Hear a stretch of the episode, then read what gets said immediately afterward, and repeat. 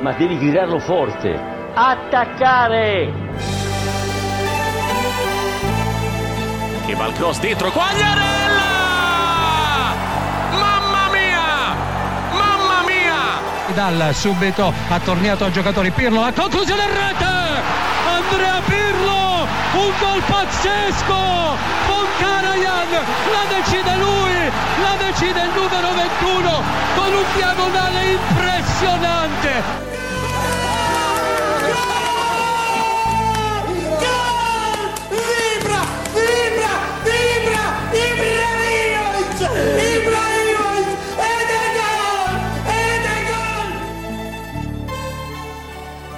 Maandag 24 mei, half 1. En het is een dag nadat de Serie A helemaal is afgelopen. De 38e speelronde is afgewerkt. We weten waar iedereen is geëindigd. Inter is kampioen, gaat de Champions League in met Atalanta, met Milan en met Juventus. We weten de degradanten, we weten wie de Conference League ingaat. En we weten wie wij nomineren als grootste teleurstelling, beste speler, grootste talent, beste keeper van het jaar. En ga zo maar door. En eh, ja, dat gaan we het komende uurtje even bespreken, Wes. Ja, zo. Ik, Ja, eh, een hele mond vol. Het is een hele mond vol inderdaad. Je bent weer die Europa League vergeten. Hè? Dat is eh, toch, Ja. toch wel een bijzonder feitje bij jou. Dat die Conference League er tegenwoordig beter in zit dan de Europa League. Ja, maar die, die Europa League maakt al helemaal niks uit, denk ik. En, en, als het Juve gisteren niet was gelukt eh, om eh, zich te kwalificeren voor de Champions League, dan had eh, je jou misschien ook niet over de Europa League gehoord. Nou, Ja, precies. Nee, heb je, eh, ja, eh, laten we beginnen bij het begin, denk ik, of misschien wel bij het einde. Want eh, gisteren natuurlijk nog een spannende speelronde, waarin drie teams streden om twee Champions League tickets. En uiteindelijk liet Napoli het na om te winnen van Verona in eigen huis. Het werd daar eh, 1-1. Juve won wel dik bij Bologna, Milan bij Atalanta. En dus gingen Milan en Juve de Champions League in en Napoli niet. Ben je blij? Ja, ik ben echt blij. Ik ben echt vooral opgelucht. Want het was natuurlijk... ehm, ja, eigenlijk na die 3-0 nederlaag die Juve natuurlijk een paar weken geleden leed tegen Milan, zag het er heel slecht uit. Ehm, op dat moment kon, kon zelfs Lazio er eigenlijk nog overheen dat ze eventueel zelfs zesde zouden worden. Dat is gelukkig niet gebeurd. Maar ik denk dat de afgelopen ja, wedstrijden Juve toch wel eh, een beetje verbetering heeft laten zien. En natuurlijk de Coppa Italia gewonnen, moeten we ook niet vergeten, vorige, vorige week nog. Op woensdag tegen, tegen Atalanta. En ja, je hoopt dan toch dat er, dat, dat er iets misgaat, of bij Milan of bij Napoli. En ik had natuurlijk eigenlijk van tevoren vooral verwacht dat eh, Milan het moeilijk zou krijgen. Dus ik had eh, ja, Juve op het grote scherm, Milan op het iets kleinere scherm. En ik dacht, ja, Napoli die winnen toch wel, die hoef ik niet, eh, niet live te bekijken. En op een gegeven moment, nou, Juve stond natuurlijk, nou, wat was het, vijf minuten volgens mij al voor. Die ging eigenlijk in de eerste helft ging dat, ging dat heel goed. Was al klaar toen eigenlijk. Het was eigenlijk al klaar. Toen echt net een paar minuten voor rust kreeg Milan opeens die penalty. En toen dacht ik, ja, shit. Want dat was de enige ploeg waarvan ik had verwacht, die kan punten verspelen vanavond.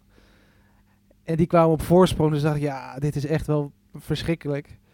Eh, dus toen heb ik inderdaad, toen was het rust. Toen heb ik toch nog op een nog kleiner scherm heb ik, eh, Napoli aangezet. Want ik dacht, van, ja goed, nu moeten we daar ook een beetje naar kijken. Dat is dan nog 0-0 natuurlijk. Dus ja, op drie schermen. En dan heb je natuurlijk een beetje 30% aandacht voor ieder, eh, voor ieder scherm. Dus dat was om de, om de wedstrijden zelf heel, heel goed te volgen, was het niet perfect. Maar je kreeg wel natuurlijk op, als een soort switch kreeg je alles mee. En op een gegeven moment komt Napoli komt op voorsprong, dus dan was het natuurlijk helemaal klaar. En ja, het, het was verschrikkelijk. Ik heb op een gegeven moment heb ik ook gewoon overal het geluid maar uitgezet, omdat natuurlijk die dingen liepen niet synchroon. Dus dan hoorde je bij de ene dat er al ergens een, een, een kans was geweest of een bal langs de paal was gevlogen, terwijl dat nog niet was gebeurd op je andere scherm. En op een gegeven moment, eh, ja, Verona op 1-1. Dus ik juich achter mijn laptopje. Maar goed, je dacht van ja, Napoli gaat toch nog wel winnen, toch? En ja, uiteindelijk heb ik eh, Napoli toch nog maar even op het grootste scherm gezet. En toen heb ik echt als een idioot, ja, bijna beschaamd in de kamer staan springen dat, eh, dat Napoli niet won. En dat Juve uiteindelijk toch nog die Europa League inging. Nog Champions League inging. Napoli. Maar ja, Ja, maar ik denk, volgens mij, als, als ik me niet vergis met de virtuele stand gisteren, hebben alle ploegen, zowel Atalanta als, of tenminste Juve, Milan en Napoli gisteren tweede, derde, vierde en vijfde gestaan. Ja. Tijdens- gedurende ja, de wedstrijden, ja, zoiets. volgens mij ook, ja. ja, ja behalve ik denk- Atalanta heeft dus niet vijfde Ja, ja. gestaan, want die waren al er zeker van Champions League voetbal. Maar goed, ik denk dat dat wel genoeg zegt over hoe veel scenario's er mogelijk waren en hoe spannend het eigenlijk was geweest. En dan gebeurt eigenlijk het scenario dat niemand meer verwacht. Milan de moeilijkste wedstrijd. Op bezoek bij Atalanta, dat tweede stond. Juve naar Bologna. Bij Bologna nou, had men aangegeven echt wel te willen winnen van de Bianconeri. Met uh, Mihailovic, de trainer, die, die al een aantal uh, opmerkingen had geplaatst. De fans die spandoeken hadden opgehangen onder de Curva uh, Bulgarelli. De, de harde kern van Bologna zit er normaal. Dit keer hadden ze spandoeken opgehangen en gezegd... Nou, Juve uit de Super League en na vandaag ook uit de Champions League. Maar dat was niet te zien bij Bologna, want ja, die, het lukte daar niet om, om een vuist te maken. Terwijl Verona tegen Napoli het hartstikke goed deed. en het daar 1-1 bleef werden ook opmerkingen geplaatst bij het spel van Verona. Dat de afgelopen weken niet goed in vorm was. Gisteren wel heel goed speelde tegen Napoli. En de Partenopij dus op 1-1 hield. Ehm, zet jij dan vraagtekens bij dat spel van, van Verona? Nee, toch? Want, nee, ik, vind dat, ik vind dat zo makkelijk. Dat hebben natuurlijk, wat was het vorige week of een paar weken geleden? Wie was er nou? Rolf Seuntjes van de Graafschap. Ja. dat hij dan ook over Helmond Sport of weet ik. Dat, dat je denkt, ik vind het zo dat, dat vind ik ook dan zo'n soort kleine clubmentaliteit. Waar ik het natuurlijk vorige week een beetje over had. Van die opmerking van, uh, van Piolia. Als het niet gaat lukken nu met. als, we, als Milan buiten de Champions League valt, dan is het geen ramp. Ik vind dat gewoon een beetje zo'n kleine club. Als je, als je dan gelijk maar naar de tegenstander gaat wijzen als je het zelf niet lukt. Wat Napoli niet deed hoor trouwens. Dat nee, het was inderdaad vooral een, paar, vooral een paar van die uh, ja, analisten tussen aanhalingstekens. Maar ik vind dat zo makkelijk. En aan de andere kant denk ik van ja, kijk naar inderdaad een Inter of een Juve. Want als Juventus ergens op bezoek komt, voor iedere ploeg is dat de wedstrijd van het jaar. Dus iedere ploeg geeft dan natuurlijk 200% waar ze tegen, nou ja, pak een beetje een, eh, een Parma 50% geven. Dus ik denk dat ja, het, het slaat ook helemaal nergens op. En ik denk ook niet dat Verona zo slecht is geweest dit seizoen. Want ik denk dat dit resultaat redelijk in, in, uh, ja, in hun wedstrijden of in, hun resultaten tegen de andere ploegen uh, paste. Want ze hebben volgens mij ze hebben in ieder geval gelijk gespeeld tegen, tegen Juventus in het uh, Allianz Stadium.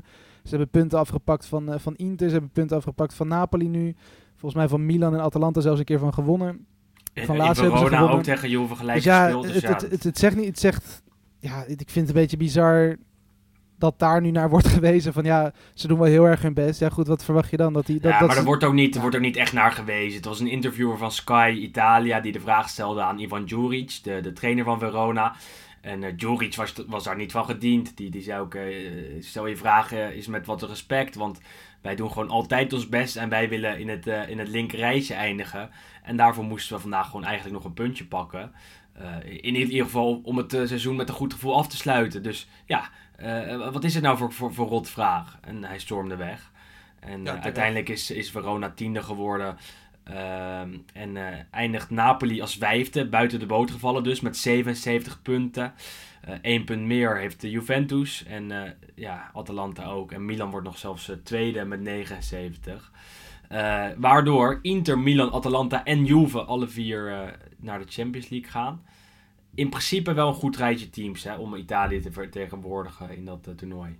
Ja, ik denk het wel. Het is wel opvallend natuurlijk. Opeens, ik, ik, zag nu volgens mij een, een, tweetje voorbij komen vanochtend. Het zijn vier noordelijke ploegen natuurlijk.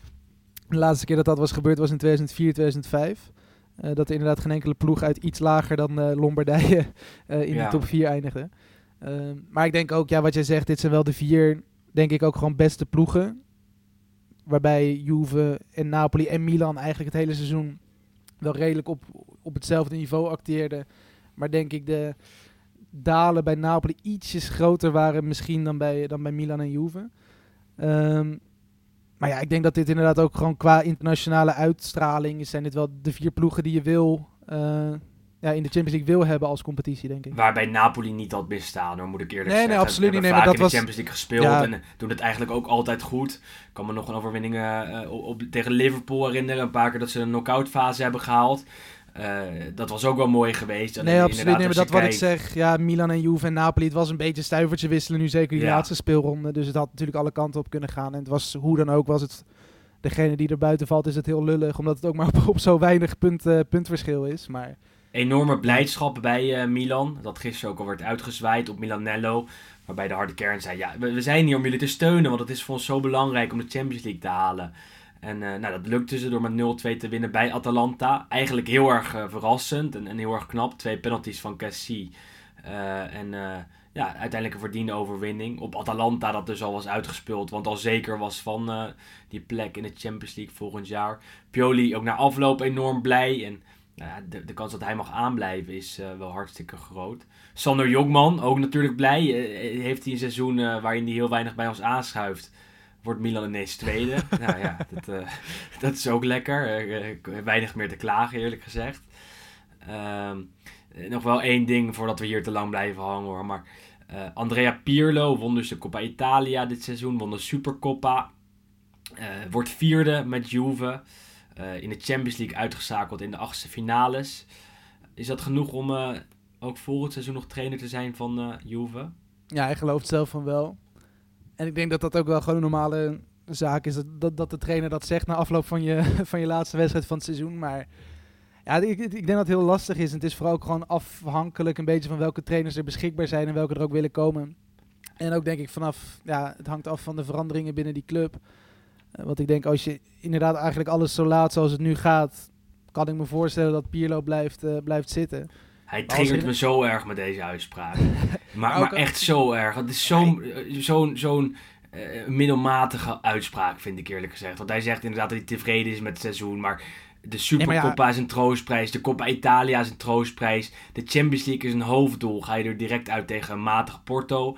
De eh, Serie A is ook natuurlijk gewoon een hoofddoel. Waarin je negen keer achter elkaar kampioen bent geworden. En je die tiende keer eh, ja, ook graag wil binnenhalen.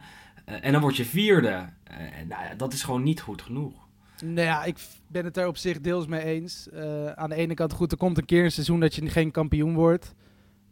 Die, dat komt er, dat is simpel, simpel. Maar goed, ze hebben nu in ieder geval die Champions League. Dat is dan het, het, het tweede punt wat je dan zeg maar kan halen als je geen kampioen wordt. Dus die, dat seizoen kwam er sowieso een keer aan.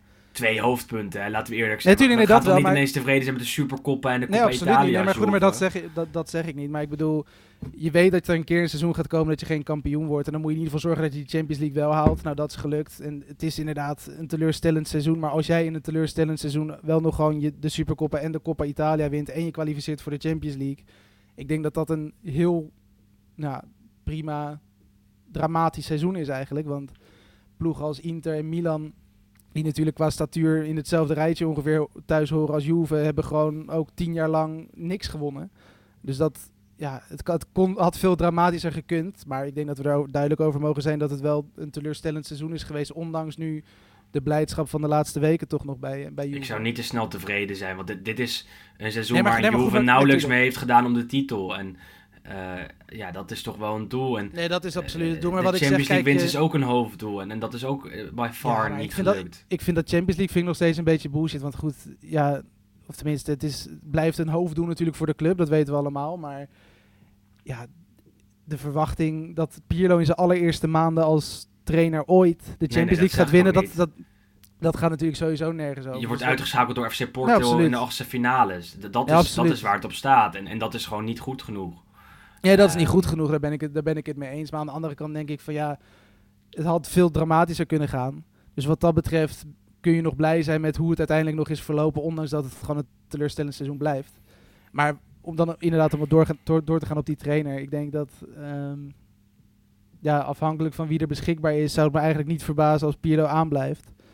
Ehm, want ik denk dat de enige trainers die de ploeg beter zouden maken op dit moment is Allegri. Maar die gaat waarschijnlijk, als je het nu de gerucht hoort, richting Real Madrid. Dat zou betekenen dat ook Zidane beschikbaar is. Maar goed, dan moet je dus echt wel een, een goed project hebben. En voor je gevoel is dat project er op dit moment bij Juve niet echt. Dus dan kan ik best begrijpen dat ze Pirlo zouden laten zitten. Maar ja, het is, het, is, het, is Het is, vooral heel, het is vooral heel lastig. Omdat ik denk dat er bij Juve eigenlijk ook voor het eerst in een lange tijd... Ja, ook getuigen dit seizoen dingen mis zijn gegaan. En niet alleen sportief, maar ook buiten het veld om en bestuurlijk. Ehm, en het is dus ook afhankelijk daarvan of daar dingen gaan veranderen. Gaat Agnelli weg? Eh, wat gaat er gebeuren met Paratici, met, eh, met Netvet? Komt er nog een straf van de UEFA? Eventueel Europese uitsluiting? Eh, er gaat nog heel veel gebeuren deze zomer. Ik denk dat dat ook wel ehm, ja, grote trainers als een Allegri en een Zidane misschien ervan kan weerhouden. Van ja, ga ik er dan nu wel instappen als ik nog niet weet wat er allemaal gaat gebeuren? Ehm, dus eigenlijk puur om die reden zou ik, zou, ja, ik zou niet verbazen als Pirlo gewoon volgend seizoen nog steeds aan de, aan de leiding staat. Hè. Dan toch even naar die andere teams nog kijken. Milan kwalificeert zich dus voor het eerst in jaren, voor het eerst sinds seizoen 2013-2014 voor de Champions League. Ehm, ook daar heeft het gerommeld rondom de trainer. Natuurlijk vooral vorig seizoen. Ook dit jaar, eh, eh, als hij zich niet eh, had gekwalificeerd met dit team, nou ja, dan was het misschien wel einde Pioli geweest. Wat betekent het voor, voor, voor dit Milan om zich te kwalificeren voor de Champions League? Wel een heleboel zou ik zeggen eigenlijk. Hè? Nou goed, ik denk dat dat duidelijk is. En dat, dat, dat liet de, de, de blijdschap gisteren eh, liet dat ook wel blijken. Milan, wat je zegt, ze hebben inderdaad zeven jaar volgens mij dan... eh, het is ja, sinds 2013, 14. Toen was volgens mij met eh KK tegen Atletico Madrid dat ze eruit vlogen. Ehm, hebben ze geen Champions League gespeeld. En het is natuurlijk voor iedere ploeg is het belangrijk. Maar ik denk zeker voor een ploeg van die status... ehm, en voor de financiële mogelijkheden van de ploeg is het denk ik eh, van essentieel belang dat ze daarin zitten. En je ziet ook de, de stap die Inter heeft kunnen zetten op het moment dat zij weer terug ja. waren in die Champions League. En ik denk dat dit ook voor Milan zo'n soort omslagpunt kan zijn in hun eh, recente historie. Het is de groei ja. die je kan doorzetten, ook door de financiële groei. Er komt een stroom aan gelden binnen, kan je uitgeven. En dan hoef je niet weer die stap terug te zetten. Want eh, ze kunnen op dit moment waarschijnlijk Tomori halen van Chelsea. Definitief overnemen dus. Donnarumma kan misschien wel worden verlengd. Uh, Çalhanoğlu is nog maar de vraag. Maar eh, daar is misschien ook wel geld voor om zijn contracten te verlengen. Eh, die twee contracten lopen aankomende zomer natuurlijk af. En dat zijn wel twee van de sterspelers op dit moment. Çalhanoğlu en eh, Donnarumma. En wie weet kan je ook nog een extra spits halen. En dat zijn de stappen die Milan moet zetten om weer structureel mee te kunnen doen. In de Italiaanse top in ieder, in ieder geval. En ook Europees misschien weer wat te kunnen doen. Ja, en En natuurlijk je- ook wat. ja. Ja. en het is natuurlijk ook voor de, voor de aantrekkingskracht, denk ik. Want ze hebben nu natuurlijk ook, zeker in die Europa League jaren, niet de meest interessante spelers kunnen halen. Gewoon puur vanwege het feit, ja, Milan speelt in de Europa League, wordt zesde in de, in de competitie of nog slechter. En nu kun je inderdaad ook gewoon jezelf weer laten zien. En kun je ook, denk ik, bij ja, toch dan ook weer een beetje een internationale fanbase opbouwen. En ik denk dat dat ook wel gevolgen heeft voor de spelers die naar de club kunnen komen en willen komen. Want je weet toch dat je Champions League gaat spelen. Zo is het. En dan kan je je volgend jaar weer kwalificeren. En dan gooi je weer door. En dat gebeurde bij Inter ook. En, en je ziet wat er nu van is gekomen. Eh, en dat heb ik ook vaker gezegd. De, de, de basis voor het kampioensjaar van Inter is al een aantal jaar geleden gelegd. Met de komst van Spalletti als trainer. En die twee keer vierde werd. En twee keer eh, de Champions League haalde. Eh, en bij Milan kan hetzelfde nu gaan gebeuren. Ik zou Pioli zeker nog een jaar houden. Volgend jaar weer proberen om eh, in die top 4 te eindigen. En dan de stap eh, proberen te zetten naar de, de toptrainers. Naar, naar iemand die, die, die het volgende niveau kan bereiken. Want laten we eerlijk zijn, met Pioli gaat dat uiteindelijk niet gebeuren. En gaat Milan waarschijnlijk geen kampioen worden. Eh, en dat zag je inderdaad ook met Spalletti. Die dat niet lukte met, met Inter. Maar met Conte werd het gelijk eh, weer een stuk beter. En, en bij Milan kan hetzelfde proces worden ingezet. Ja, want ik denk ook zeker als je twee seizoenen op rij Champions League speelt, twee, drie seizoenen op rij. Ik denk dat dat echt een, een hele goede basis is voor eigenlijk een soort ja, structurele top 4 eindklassering. En dat zie je natuurlijk nu bij Inter inderdaad vanaf de Spalletti-periode. Je ziet het nu bij Atalanta eigenlijk de laatste paar jaren. Dat ondanks dat ze misschien eh, ja, kwalitatief niet per se de beste spelers hebben, al wordt dat verschil ook heel snel eh, eh, kleiner gemaakt met de top. En omdat het natuurlijk niet de grootste club van het land is, maar je ziet toch hoeveel ehm, ja, je daaruit kunt putten uit die Champions League gelden en uit het feit dat je op, op zo'n niveau actief bent en het daar ook goed doet. Eh, En dat als je je- het goed investeert. Ja. Hè? Want, want bij Atalanta investeren ze het goed en groeien ze daardoor door. Want ze kunnen daardoor eh, eh, de, het level van het- de, de spelers die ze halen eh, ophogen. Hè, het niveau. Kunnen ze iets duurdere spelers halen. Dat zag je de afgelopen jaren. Dat ze opeens wel 15 miljoen voor, voor iemand neerleggen. Waar ze dat voorheen niet konden. Ja, en zulke soort spelers groeien ook weer door bij Atalanta. En kunnen vervolgens weer worden verkocht. Dus je legt de basis voor, voor nog meer doorgroei. Met en ik, ja, extra geld. En dat zie je bij Ajax in Nederland natuurlijk ook. Doordat ze interessantere, duurdere spelers kunnen halen. Die al op een hoger niveau zitten als ze naar Ajax komen. Gooi je die spelers door. En eh, ja, dan worden ze later weer verkocht. en ik Dus, denk ook bij eh, Milan, Ja, dat is die hebben natuurlijk ook nu wel, zeker met, eh, is eigenlijk vooral een beetje sinds Paolo Maldini daar natuurlijk ook in het bestuur zit. Het ook echt is ge, ja, gekeken en eh, ze hebben zich toch ook behoorlijk gericht op jonge spelers. En ik denk dat dat ook gewoon een hele goede stap is gezet. Ik denk dat zeker Milan en ook het hele scoutingsapparaat en Maldini daar echt een pluim voor verdient. Van de, toch de jongelingen die misschien niet ehm, al gigantisch hoog in het vaandel stonden, Europees gezien, maar die dit seizoen ja, zich wel gewoon echt heel goed hebben laten zien. Met onder andere natuurlijk een Theo die, die ze hebben gehuurd, maar ook Benacer, die natuurlijk toch vrij ja, onder de radar eigenlijk altijd, eh, altijd speelde. En ook met een paar jongere ja, huurspelers. Met een, eh met een Brahim Diaz die natuurlijk goed heeft gedaan eigenlijk. Eh Leao heeft natuurlijk een goede periode gehad. Begin van het seizoen. Die kwam natuurlijk vorig jaar al van Lille. Hauge heeft even een hele goede periode gehad. Vooral in de Europa League. Dus die hebben ook echt wel... Het, je ziet daar ook wat meer... ehm, ja, know-how misschien. Want ik denk Zeker, zeker in de ja. afgelopen jaren... Ik zag gisteren ook een, een mooie monoloog voorbij komen van een eh, eh, Italiaanse journalist. En die noemde volgens mij de 200 nog wat spelers op... die sinds de vorige Champions League eh, deelname van Milan bij Milan speelden. Schitterend. En als je hoort wat daar voor spelers tussen lopen, dat is echt schandalig. Met, met Marco Kevin van Ginkel, Constant. Kevin Constant. Er hebben echt ja, verschrikkelijke spelers gespeeld. Abate hoort er natuurlijk ook stiekem een beetje en bij. je- En als, je- en als je ziet Mattia wat Destro, ga, ga ze maar, Salvatore Ja. Bocchetti, allemaal heel erg hoor. Bertolacci, heel erg, ja. het, is, het is echt niet normaal. Nee, maar goed, als je dan ziet wat er nu staat. Ik denk dat dit ook gewoon een team is. Zeker als je iedereen eh, in Milaan kunt houden. Eh, als Tomori eh, eh, kan worden overgenomen, Donnarumma blijft. Heb je er echt gewoon een team ja, wat, wat, wat zich kan of zou moeten kunnen meten met de, met de top. Ja, maar niet de Europese top, wel met Nee, de Italiaanse top, nee, top, Italiaanse top inderdaad. Maar Ja, zeker ja. als inderdaad Juventus nu nog steeds natuurlijk ook een beetje in, in ja, hoe zullen we het noemen, eh, in renovatie zit. Moeilijk vaarwater. Dus ik denk dat, ik denk dat het ja, steeds dichter bij elkaar komt. Ik denk dat voor de, ja. computer, eh, voor, voor de competitie alleen maar, eh, alleen maar heel goed is. Want het is natuurlijk fantastisch dat wij gisteravond speelronde 38 en letterlijk de allerlaatste minuten van de competitie.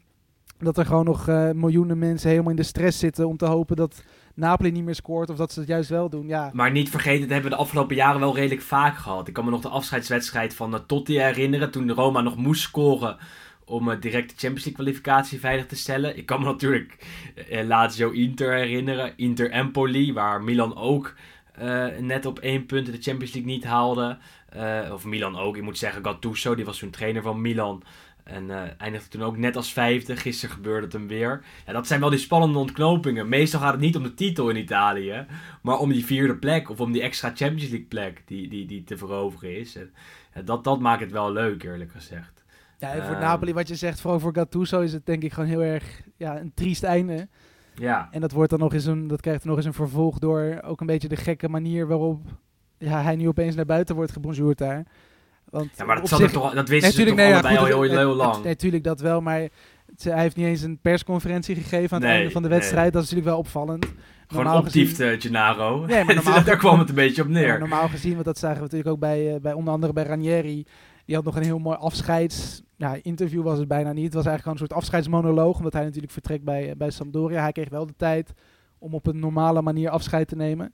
En ja, je gunt dat Gattuso zeker na het jaar, het anderhalf jaar wat hij in Napoli achter de rug heeft. Ook natuurlijk met gezondheidsproblemen, persoonlijke drama's. Coppa Italia winst, hè, ook niet Ja. te vergeten. Ik denk dat hij eh, meer verdient dan het afscheid wat hij nu heeft gekregen. En ik hoop ja, dat hij op de een of andere manier toch nog... eh, ja, in ieder geval van de fans en van zijn spelers op een normale manier afscheid kan nemen. Maar het is ja, eigenlijk wel weer schandalig hoe vooral de Laurentiis daarmee omgaat. Maar goed, ja. Nee, De, ja, de- de Laurentiis, hè, De ja. Laurentiis, ja, het is, een, het is een enorme eikel. En iedereen gaat uiteindelijk weg met ruzie bij Napoli. Zo ook eh Gattuso. Al was het natuurlijk wel al een paar maanden bekend dat, dat hij ging vertrekken. En eh, volgend jaar Ja, wel nee, trainers wel, in de Serie A natuurlijk- waarschijnlijk. Want hij kan naar Fiorentina, Ja. is het verhaal. Hij kan misschien wel naar Juve. Dat, dat zal nu niet zo lopen, denk ik. Maar eh, het is wel een gewilde trainer. Ook omdat hij het elke keer wel laat zien, maar net niet de doelstelling haalt door wat pech. Eh, voor Gattuso is er nog, nog wel een toekomst als trainer, zou ik zeggen, in Italië. Ja, absoluut. Eh, misschien niet bij, bij Napoli eh, of Juve of, of eh, Milan. Maar eh, bij Fiorentina zie ik hem zeker trainer zijn, eerlijk gezegd. Ja, of bij een Lazio. Want het is natuurlijk ook wel het Ja. verhaal. Deze zomer gaat natuurlijk, denk ik, bij heel veel ploegen gaat er heel veel veranderen. Want we hebben volgens mij nu al iets van vijf of zes trainers die hebben aangegeven sowieso weg te gaan. Of die zijn al weg. Het is natuurlijk Gattuso bij Napoli. Eh Fonseca gaat weg bij Roma. eh, De Zerbi, de Ranieri. Zerbi gaat naar Shakhtar. de- eh, Ranieri gaat inderdaad naar... eh, of tenminste, die, die stopt bij Sampdoria. Daversa stopt bij Parma. Gotti stopt bij Udinese. Ehm Ehm, Djuric gaat misschien weg bij Verona. Tenminste, dat is het Iacchini gaat natuurlijk weg bij Fiorentina. Dus je hebt echt Ja. een hele rits. Ik denk dat er echt... Nou, voor- op dit moment is er al bijna bekend van... Volgens mij 10 of 11 ploegen... dat die volgend seizoen een nieuwe trainer krijgen. Waar gaat Serse Cosmi trainen? Dus dat is de grote vraag. Hopelijk bij Sassuolo. Nee, maar dat, dat, het wordt een interessante zomer en we hebben een mooi seizoen gehad, denk ik. Ja, Eh, absoluut. nog één keer het rijtje langs, top 4 bekend. Napoli en Lazio gaan de Europa League in. Roma, de Conference League. Die speelde gisteren gelijk tegen Spezia. Was net genoeg om eh, Sassuolo op onderling resultaat. Eh, nee, eigenlijk op doelsaldo achter zich te halen. Dus nog, nog na onderling resultaat ze- zelfs. Want eh, die twee duels eindigt in een gelijkspel. En eh, Benevento, Crotone en Parma gaan naar de Serie B. Hebben volgend jaar Empoli en Salernitana sowieso al in de Serie A. En ofwel Cittadella ofwel Venezia promoveert. Want die spelen in de play-offs van de Serie B tegen elkaar. Het staat daar na één duel 0-1 voor Venezia. Die wonnen namelijk uit bij eh, Cittadella. Eh, en nog wel een mooi verhaal voor, eh, voor de luisteraar vind ik eigenlijk. Ik, want niet iedereen volgt ons op Twitter, denk ik, die naar ons luistert. Dat jij wel een influencer bent, hè? Ja, goed. Ik ben Ja. sowieso natuurlijk wel... een Mooi Venetia- verhaal, vind dat Nee, wel. ik ben sowieso wel een Venetia-fan natuurlijk al vanaf het moment eigenlijk van hun laatste faillissement dat ik ze echt fanatiek ben gaan volgen. En ja, goed, de shirts doen het altijd goed, hè. En dat, dat, resulteert, shirts. dat resulteert er nu in dat inderdaad een, we een hele blije winkeleigenaar hebben ergens in het centrum van Venetië. Die opeens alleen maar pakketjes met shirts eh, uit en thuis, 2020, 21, 1920, weet ik veel wat, eh, wat hij allemaal nog in de aanbieding had. Die die allemaal opeens naar België en naar Nederland heeft moeten versturen. Dus die eh, hebben wij een beetje de coronacrisis doorgeholpen. Ja, Dus, dat, schitterend. dus dat, is, dat is heel mooi. En sowieso natuurlijk dat die ploeg ja, op het randje staat ja, voor een terugkeer naar de Serie A is natuurlijk prachtig. En eh, ja, laten we vooral hopen dat ze, dat, eh, ja, dat ze die voorsprong vast kunnen houden. Hebben nu de uitwedstrijd gewonnen. Dus je zou zeggen, het grootste, ja, de grootste stap is gezet. Maar goed, laten we, laten we duimen. De return is eh, donderdag volgens mij ook om kwart over negen. Ja, rare tijd trouwens. De wedstrijden, of tenminste in ieder geval de halve finale, zijn ze, waren ze te zien op Unibet. Moet je even een paar euro erop zetten en dan kun je hem daar kijken. En volgens mij is nu de finale ook op Rai Douai. Dus die kun je met een, eh, een VPN kun je die ook gewoon via de computer volgen. Dus dat moet je zeker doen donderdag. Want volgens mij is er verder ook geen, enkel, eh, geen enkele wedstrijd meer de rest van de week. Het is eh, tijd om terug te blikken, stel ik voor. Want, nou, een paar keer al aangegeven, de Serie A zit erop. De laatste Lo Stadio van het seizoen alweer. En dat betekent dat wij even ja, het jaar gaan doornemen. De columnisten hebben ook wat voor ons opgenomen natuurlijk. Laten we beginnen bij eh, Isaac van Achelen vanuit Italië. Die voor ons eh, ja, heeft eh, gezegd wie zijn grootste talent, de beste speler en de beste trainer van de Serie A zijn. Isaac, het podium is voor de laatste keer dit seizoen voor jou.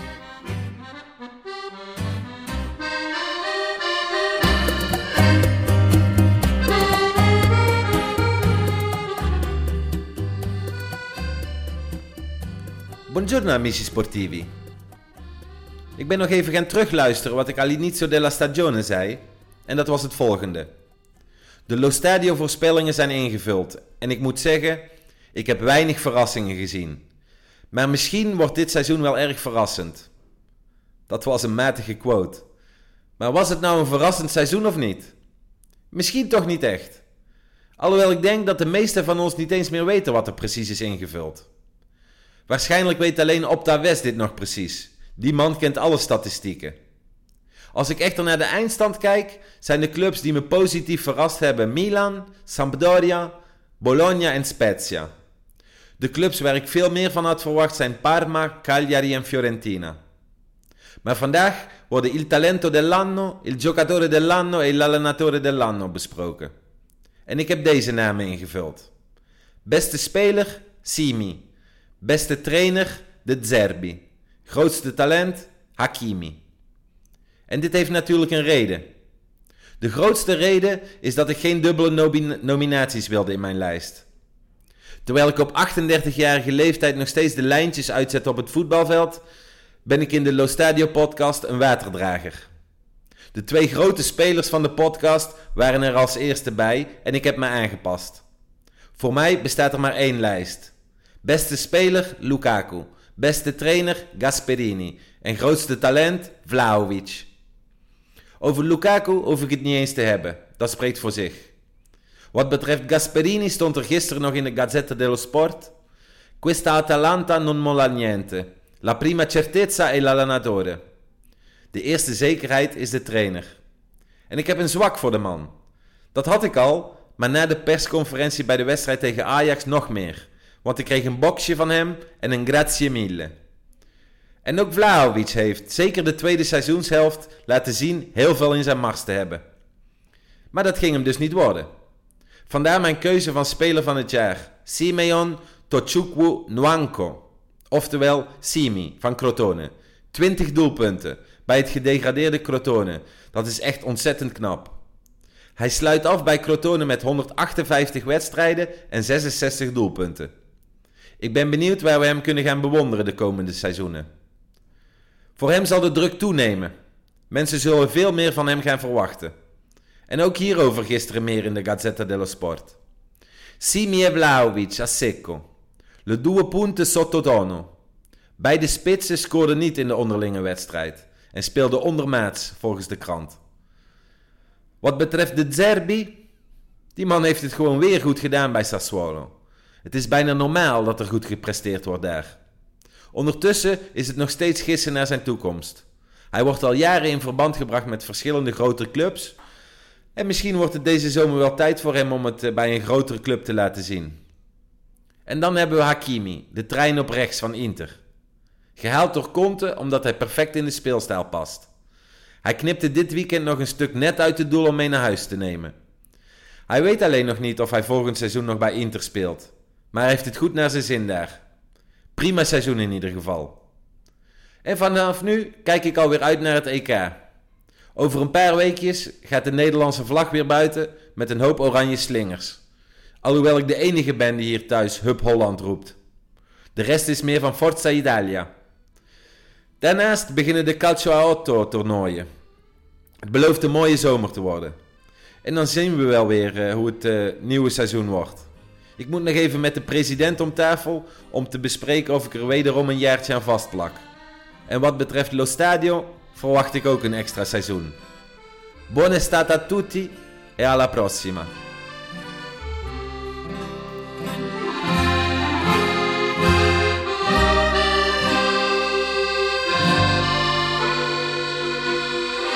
Mooie keuzes van, uh, van Isaac. Die uh, inderdaad zei dat wij al een beetje de grasmat voor zijn voet hadden weggemaaid. Want uh, ja, uiteindelijk uh, waren wij er als de kippen bij om bepaalde spelers al te claimen. wat mij betreft hadden ze best mogen overlappen hoor, maar dat wilde Isaac niet. Dus ja, dan, dan gaat het zo. Straks ook nog Juriaan met, met zijn keuzes. ja, wat hebben we allemaal? De grootste verrassing van het seizoen, de grootste teleurstelling. Beste speler Berlini, beste trainer, mooiste wedstrijd. Laten we beginnen bij de grootste verrassing, Wes. Want dat is een mooie categorie. Um, en er zijn wel wat verrassingen geweest dit jaar. Wie heb jij daar ingevuld? Ja, je kan natuurlijk een beetje of op twee manieren ja, kun je het. Ja, je kunt inderdaad op twee manieren kun je het interpreteren. Um, of een speler of een club. En voor mij uh, toch wel een van de teams waar ik het meest van heb genoten. Um, dit seizoen, wat ik eigenlijk ook niet van tevoren had verwacht dat ze het zo goed zouden doen, uh, is, uh, is Spezia. en dan natuurlijk in het verlengde daarvan trainer Vincenzo Italiano. Uh, vorig seizoen werd, als ik me niet vergis, volgens mij, volgens mij zesde of zevende in de Serie B, maar mochten daardoor wel meedoen aan de, uh, aan de play-offs. Uh, wonnen die uiteindelijk. echt, ja, omdat we natuurlijk een heel gek seizoen hebben gehad vanwege die corona vorig jaar, eindigde die play-offs ongeveer een maand voordat de Serie A weer herstartte. Dus die ploeg heeft ook amper, ze werden derde voor, vorig seizoen trouwens. Ja. Um, dus ze hebben eigenlijk amper tijd gehad om een normaal Serie A waardig elftal neer te zetten. Vooral heel veel huur, uh, huurspelers gehaald. En natuurlijk wel een paar iets grotere namen. Waarvan Jeroen Zoet ongeveer nog de grootste was. Dus dat zegt ook genoeg. um, en het is natuurlijk sowieso debutant. Uh, ploeg met het laagste uh, salarishuis. Laagste transferbudget van de hele competitie. En ik denk als je dan toch uiteindelijk ja, ze worden vijftiende, maar ook gewoon al meer dan een, een, wedstrijd voor het einde veilig zijn. Ik denk dat dat alleen maar uh, ja, lof verdient. En ook de manier waarop ze het hebben gedaan. Want ze hebben natuurlijk ook een paar wedstrijden best wel ruim verloren. Maar ik denk zeker dat ze ook in grotere wedstrijden uh, echt heel goed voetbal hebben laten zien. Gisteren nog 2-2 tegen Roma. Uh, in de beker hebben ze Roma uitgeschakeld. Een paar geweldige wedstrijden tussen die twee teams. En Goede denk, trainer dus. Hè? Die, ja, die nee, blijft waarschijnlijk echt, niet bij Spezia. Nee, maar dat, dat is natuurlijk gelijk weer het vervolg, uh, of het, het, gevolg eigenlijk wat je dan krijgt. Dat als je natuurlijk als kleine ploeg, kleine trainer eh, het, het goed doet, dat het natuurlijk gelijk aan alle kanten aan je wordt getrokken. En dat is natuurlijk wel eh, aan de ene kant zonde, maar aan de andere kant natuurlijk ook mooi. Maar ik denk dat Spezia zeker heel veel lof verdient voor de manier waarop ze zich dit seizoen hebben laten zien. Want ik denk dat de meeste eh, Serie B promovendi eh, richting de Serie A komen echt puur met het idee van we moeten op iedere mogelijke manier gewoon zorgen dat we niet verliezen. Terwijl Spezia voor mijn gevoel gewoon aan de competitie starten van nou we gaan het naar ons zin hebben, we gaan mooi Ja. aanvallend voetbal spelen en we, we volgen gewoon onze eigen filosofie. En dan in dit geval dan de filosofie van Italiano. Een beetje het verlengde van Verona, eh, dat het vorig seizoen eh, op die manier deed. Ja, eigenlijk En wel. Daarbij is voor Verona... elkaar kreeg. Om, om Ja, ik denk dat Verona natuurlijk wel iets, iets defensiever nog is ingesteld. Ja, ja, ja, eh, uitgebalanceerder. Waarbij Spezia natuurlijk echt gewoon soms vol op de aanval stond. zeker, ja, ja. Maar ik bedoel Maar- vooral met de eigen Ja, stijl. nee, dat absoluut. dat Verona Ja. dat ook goed voor elkaar had. Dat, dat Juric toen al een interessante ploeg had neergezet. En, en de speelstijl heel herkenbaar was. En, en hetzelfde herken ik eigenlijk bij Spezia. Waarbij het echt duidelijk is wat Italiano wil. Waar eh er voorafgaand aan het seizoen al over Italiano werd geschreven. De trainer dus, dat hij altijd voor aanvallend voetbal eh, eh, staat. En eh, dat ook wel voor elkaar krijgt. En, en dat zag je ook echt wel terug in dit Spezia, eerlijk gezegd. Met best wel wat interessante spelers ook, hè. Een Zola bijvoorbeeld, die, die komt straks ook nog bij Juriaan terug in de column. Maar dat is gewoon echt een, echt een prima speler. En eh, ja, je hebt nog wel een lijstje met, met namen die, eh, die bij Spezia best wel wat, leuk, wat goede minuten hebben gemaakt en het eh, hebben laten zien. Ja, het is natuurlijk ook niet, Ehm. niet verrassend dat er ook gewoon een paar spelers inmiddels zijn opgeroepen voor de nationale ploeg. En ik denk dat dat ook, ook wat zegt. Een paar goede middenvelders met, met Ricci en vooral Maggiore. Die heeft er nu ook in de nationale ploeg al bij gezeten. In de spits. ook, toch? Ja, ja Ricci heeft, maar ja, die heeft volgens mij nog niet gespeeld. Nee, nee. Um, nee. En voorin Roberto Piccoli, ook een jonge spits gehuurd van Atalanta, die het, die het goed heeft gedaan naast, naast Anzola. Ja, het, ja. Is, het, het, is wel gewoon echt heel knap, want het zijn eigenlijk allemaal, als je die hele selectie bekijkt, ja, je kent praktisch niemand. Uh, ja, in Nederland kennen we Jeroen Zoet en uh, Chabot, want die heeft in Groningen gevoetbald, maar verder zijn het eigenlijk alleen maar onbekenden. Geen Bart Chabot. Nee, en zelfs inderdaad... Uh, en zelfs volgens mij voor de toch wel doorgewinterde Italiaanse voetbalkenners die wij zijn, lopen nou niet heel veel bekende spelers rond. En ik denk dat dat ook heel knap is dat je met... Ik kan de basis zelf niet opnoemen. Nee, ja, dat, dat, dat, zegt, dat zegt genoeg, denk ik. En ja, ik, het, het, is gewoon op, oprecht heel erg knap wat ze hebben voor elkaar hebben gekregen. Ik heb daar toch uh, voor één speler gekozen, Wes. Want uh, ik zat te kijken naar de ranglijst. En, en naast Spezia is er niet echt heel veel verrassends gebeurd. Vind ik eigenlijk. Uh, Sassuolo achtste geworden. Dat, dat is wel de plek waar zij nu staan. En vorig seizoen waren ze ook eigenlijk al best of the rest. Dit jaar weer. Het was mooi geweest als ze zevende waren geëindigd. En verdienen zeker een, een pluim. Een, een, een, een, een, een, een, een kans om het volgend jaar nog beter te doen. En hopelijk een keer weer een plekje in de Europa League. Wat zo'n keer is gelukt met uh, Eusebio Di Francesco. Maar dat is niet mijn keuze als uh, verrassing van het seizoen. Want Sassuolo toch al een beetje genesteld op die plek. Maar ik ga voor Simi. Nwanko Simi. Nwanko ja. Simi. Toch Groot een van de publiekslievelingen van de Serie A. Zeker een van de lievelingen van de Lo Stadio podcast. Uh, wordt vaak genoemd en, niet voor niets. Uh, twee jaar geleden speelde Crotone ook in, in de Serie A. Toen hadden ze zich net gehandhaafd, echt net aan. Het jaar daarvoor Falcinelli als spits die best wel wat doelpuntjes maakte. Daarna overal mislukt. Die Falcinelli speelt nu bij Rode Ster Belgrado. En later kreeg Simi daar de kans. En, en nou, dat deed hij best wel aardig. Scoorde al een omhaal tegen Juventus. Toen allebei de teams al lang en breed waren uitgespeeld. Nou, in de Serie B doorgegaan. En, en nou, het bleef maar scoren, die Simi. En ook in de Serie A, want hij staat op uh, 20 doelpunten in totaal na 38 duels. Bij Crotone, dat uh, er lang naar, naar ja, tenminste lang op die 20ste plek bleef hangen. Maar Parma was nog slechter. Neem niet weg dat Crotone ook echt heel erg slecht was. Best wel een leuke aanval had met Unas, met Messias, wat ook een interessante speler is. Maar vooral met aanvalsleider Simi, die ja, heel veel uh, doelpunten heeft gemaakt in een elftal dat niet fantastisch is. En 20 van de 45 goals van Crotone voor zijn rekening heeft genomen. En dat is echt super knap, hè? Ik, ik ja, vind nee, dat, echt een, een wereldprestatie. dat, ik denk dat je dat niet kan ontkennen. Dat zijn, ik bedoel, als jij sowieso heel veel doelpunten maakt bij een matige ploeg, is ook knap. Maar hij was praktisch, uh, praktisch topscorer ongeveer van Italië. Ja. En uh, ja, het, het, is, het is eigenlijk ja, bizar, kun je, het, kun je het wel noemen. Want ja, zo'n speler hoort gewoon in de Serie A te voetballen. En ja, ik kan me niet voorstellen dat hij nu afzakt naar de Serie B en dat hij daar dan Ik bij ook volgend niet. seizoen blijft. Die, die moet gewoon een stap hoger opzetten. Maar ik zie hem ook wel naar ook. Oekraïne of iets dergelijks Ja, gaan. precies. En, ook wel een eh, beetje ja. ergens naar, of naar de zandbak of geen idee. Maar Ja, ik denk dat Simi ook gewoon een hele mooie keuze is geweest vanwege het feit ook... Zijn hele verhaal komt natuurlijk ook uit Nigeria. Is dit seizoen nog... eh, zijn zoon is volgens mij bedreigd geweest op social media. Heeft toen nog een soort ere... eh, of tenminste de sleutel van Crotone gekregen van de, van de burgemeester. Mhm. Is ook voor hem persoonlijk een niet heel erg makkelijk seizoen. Maar ja, dit is, het, is echt, het is echt een soort sprookje voor hem, denk ik. Want hij eindigde volgens mij vorig seizoen op iets van, ik weet niet uit mijn hoofd, 16, 17 doelpunten in de Serie B. En hij had zich toen voorgenomen, ja, als ik ga promoveren naar de Serie A, dan wil ik het wel beter doen. En dat is natuurlijk een best wel eh, ja, ambitieus idee. Als jij eh, ja, als, als aanvalsleider inderdaad van Crotone meer dan 20 doelpunten wil gaan Ja, maken. dat is of gewoon minimaal echt 20 hartstikke doelpunten wil gaan maken. En het lukt, ja. Niks dan, niks dan lof, denk ik. Voor, Dan eh, maak voor je het waar. En, en, en hij heeft een, ook zo'n herkenbare stijl. Het lijkt net alsof hij niet kan voetballen, maar dan krijgt hij de bal en dan scoort hij toch weer. Staat hij op de goede plek. Wat dat betreft een echte spits. En zeker iemand die volgend jaar ook nog bij een Udinese of, of Fiorentina in de spits zou kunnen spelen. Eh, al, al zie ik dan ook wel voor me dat hij daar maar drie keer scoort in 38 wedstrijden. Dat hij, dan, eh, dat hij het dan niet laat zien. Het blijft toch een, een sprookje dat is verbonden ook aan eh Crotone. Maar ja, wel zo mooi, want ja, dat is echt een, een exotische verrassing in de Serie A. Dat kan je wel stellen. Gaan we door naar de volgende categorie, denk ik. Eh, de grootste teleurstelling. Dan eh, gaan we gelijk maar van eh, een positief puntje naar een negatief puntje. Waar kwam jij daaruit? Ik denk dat we allebei wel redelijk op dezelfde, op dezelfde lijn zitten. Dat we toch wel veel meer hadden verwacht van Roma. Ehm, Heel Ja. veel meer. heel veel meer eigenlijk. En niet per se omdat ze nu echt een fantastische selectie hadden.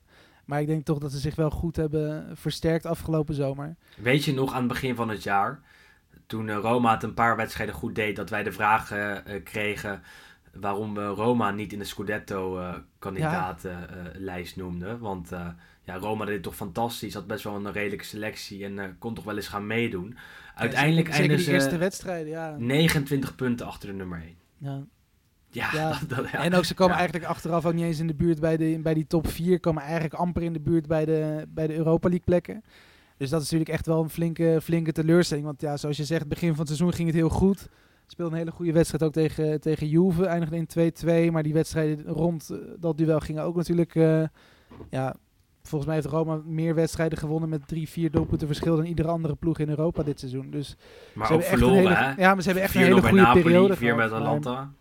ja, precies. En dat was natuurlijk het, het, het grote manco dit seizoen. Dat het in de topwedstrijden nooit lukte en eigenlijk altijd ver- verkeerd ging.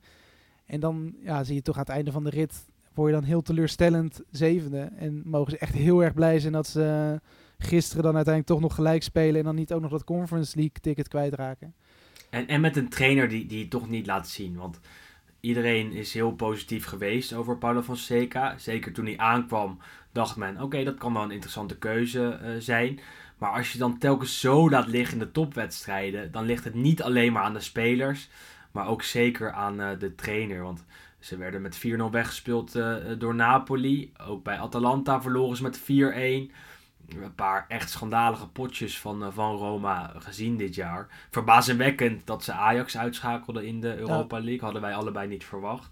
Ja, maar goed, aan de andere kant, ik vind inderdaad wel Fonseca, daar mocht je ook meer van verwachten. Maar ik denk dat we ook niet mogen ontkennen dat van alle Italiaanse ploegen dit seizoen, dat ik denk Roma wel de grootste pech heeft gehad met blessures. Dat ook sowieso. en ook ja. vooral natuurlijk op de beslissende momenten dat hij zo vaak gewoon echt drie, vier basisspelers miste. Want ook die wedstrijd tegen Ajax eh, in Amsterdam, wonder dat ze daar natuurlijk wonnen met 2-1. Maar ja, dat, als je ziet met welke basis elf ze daar aan moesten treden en welke spelers afwezig waren, ja, dat is... eh, En als je al geen verdediging hebt, dat, dat is ook nog heel erg. Want Fonseca speelt heel vaak met drie centrale verdedigers. Ehm, maar ze hadden geen derde centrale verdediger. Ook omdat Smalling bijna het hele jaar geblesseerd is geweest. eh, waardoor Cristante er vaak moest staan. Ja, los van alle blessures en los van alle pech is een zevende plek voor eh, Roma super teleurstellend. Eh, het, eigenlijk was het nog treffender geweest als ze op de achtste plek hadden gestaan achter Sassuolo. Wat ook nog dichtbij was Het geweest. had beter bij het seizoen gepast misschien nog. Ja, zo is dat. Maar goed, ja, Mourinho. Dus je hebt dan toch weer voor volgend seizoen een klein beetje... Tegen ja, beter ver- weten ver- in. verwachting tegen beter weten in. En gewoon niet, niet omdat het voetbal van Mourinho nou de laatste jaren heel goed of heel succesvol is geweest. Maar toch, ja, Het is slecht, Mourinho, hè. heel veel slechter kan het ook niet, denk je. Dus eh, ja, ik ben heel benieuwd. Zeker. Door naar de beste speler. Ehm, zal ik daar eerst gaan? Ja. Eh, ja, ik moet heel eerlijk zeggen dat ik er moeite mee had om eh, ook nog wat andere spelers dan van Inter te kiezen. Want, want als ik dat, naar het lijstje keek, dacht ik, oh ja, oh ja, Inter. Behalve bij de keeper, waar ik Handanovic sowieso niet ging kiezen. Bij de rest eigenlijk wel telkens Nee, maar ik denk dat het toch ook terecht is. Ik bedoel, ze zijn ja, meer dan verdiend kampioen geworden. Eh, gisteren natuurlijk die beker in ontvangst genomen na een 5-1 zege op Udinese. Prachtig feest. Na afloop hele stadion versierd. Stad Ja. in, eh, door de hevens overal. Ik denk, ja, het is verdiend. En eh, ik denk dat ze nu ook gewoon heel veel van dit soort prijzen in ontvangst gaan nemen. De Serie A Awards komen er natuurlijk ook nog aan de komende dagen. Waarin ook de beste speler, beste keeper, verdediger, middenvelder, aanvaller en talent worden gekozen. En trainer. En het zou me niet verbazen als nou, zes van die zeven prijzen naar, eh, naar Interspelers gaan. Nee, ja, en dat heb ik dus ook een beetje. Dat, dat je kijkt naar die categorieën en dat je denkt, ja, hier wil ik gewoon een interspeler neerzetten. Ook al kijk ik er met een neutraal mogelijke bril naar. Ehm, maar de beste speler van de Serie A van dit seizoen vind ik eh, Nicolo eh, Barella. Want, eh, Nicolo Barella, want die, die heeft het gewoon echt heel goed gedaan. Die heeft er elke wedstrijd gestaan. Heel erg constant geweest haalde eh, bijna in elk duel die hij speelde een eh, hartstikke hoog niveau. Heeft die Inter ook in een moeilijke periode er doorheen getrokken. Ik kan me nog een doelpunt bij Cagliari eh, herinneren toen ze 1-0 achter stonden en hij de 1-1 maakte. Notabene tegen zijn oude, tegen zijn oude ploeg. Ja, tegen Eh, Juventus natuurlijk ook. Die Tegen. Juventus, exact. De, de, de, de 2-0 was dat, eigenlijk de beslissende goal. En voor de rest ook wat betreft de, de grinta die er erin legt. Wat betreft de ontwikkeling die hij heeft gemaakt het afgelopen seizoen. Hij is verdedigend, eh, was heel goed. Heeft hij zich nog eh, beter ontwikkeld. Hij is aanvallend een stuk beter geworden. Eh, en, en duikt echt overal op eh, op het veld. Ook eh, tegen Milan heel goed gespeeld.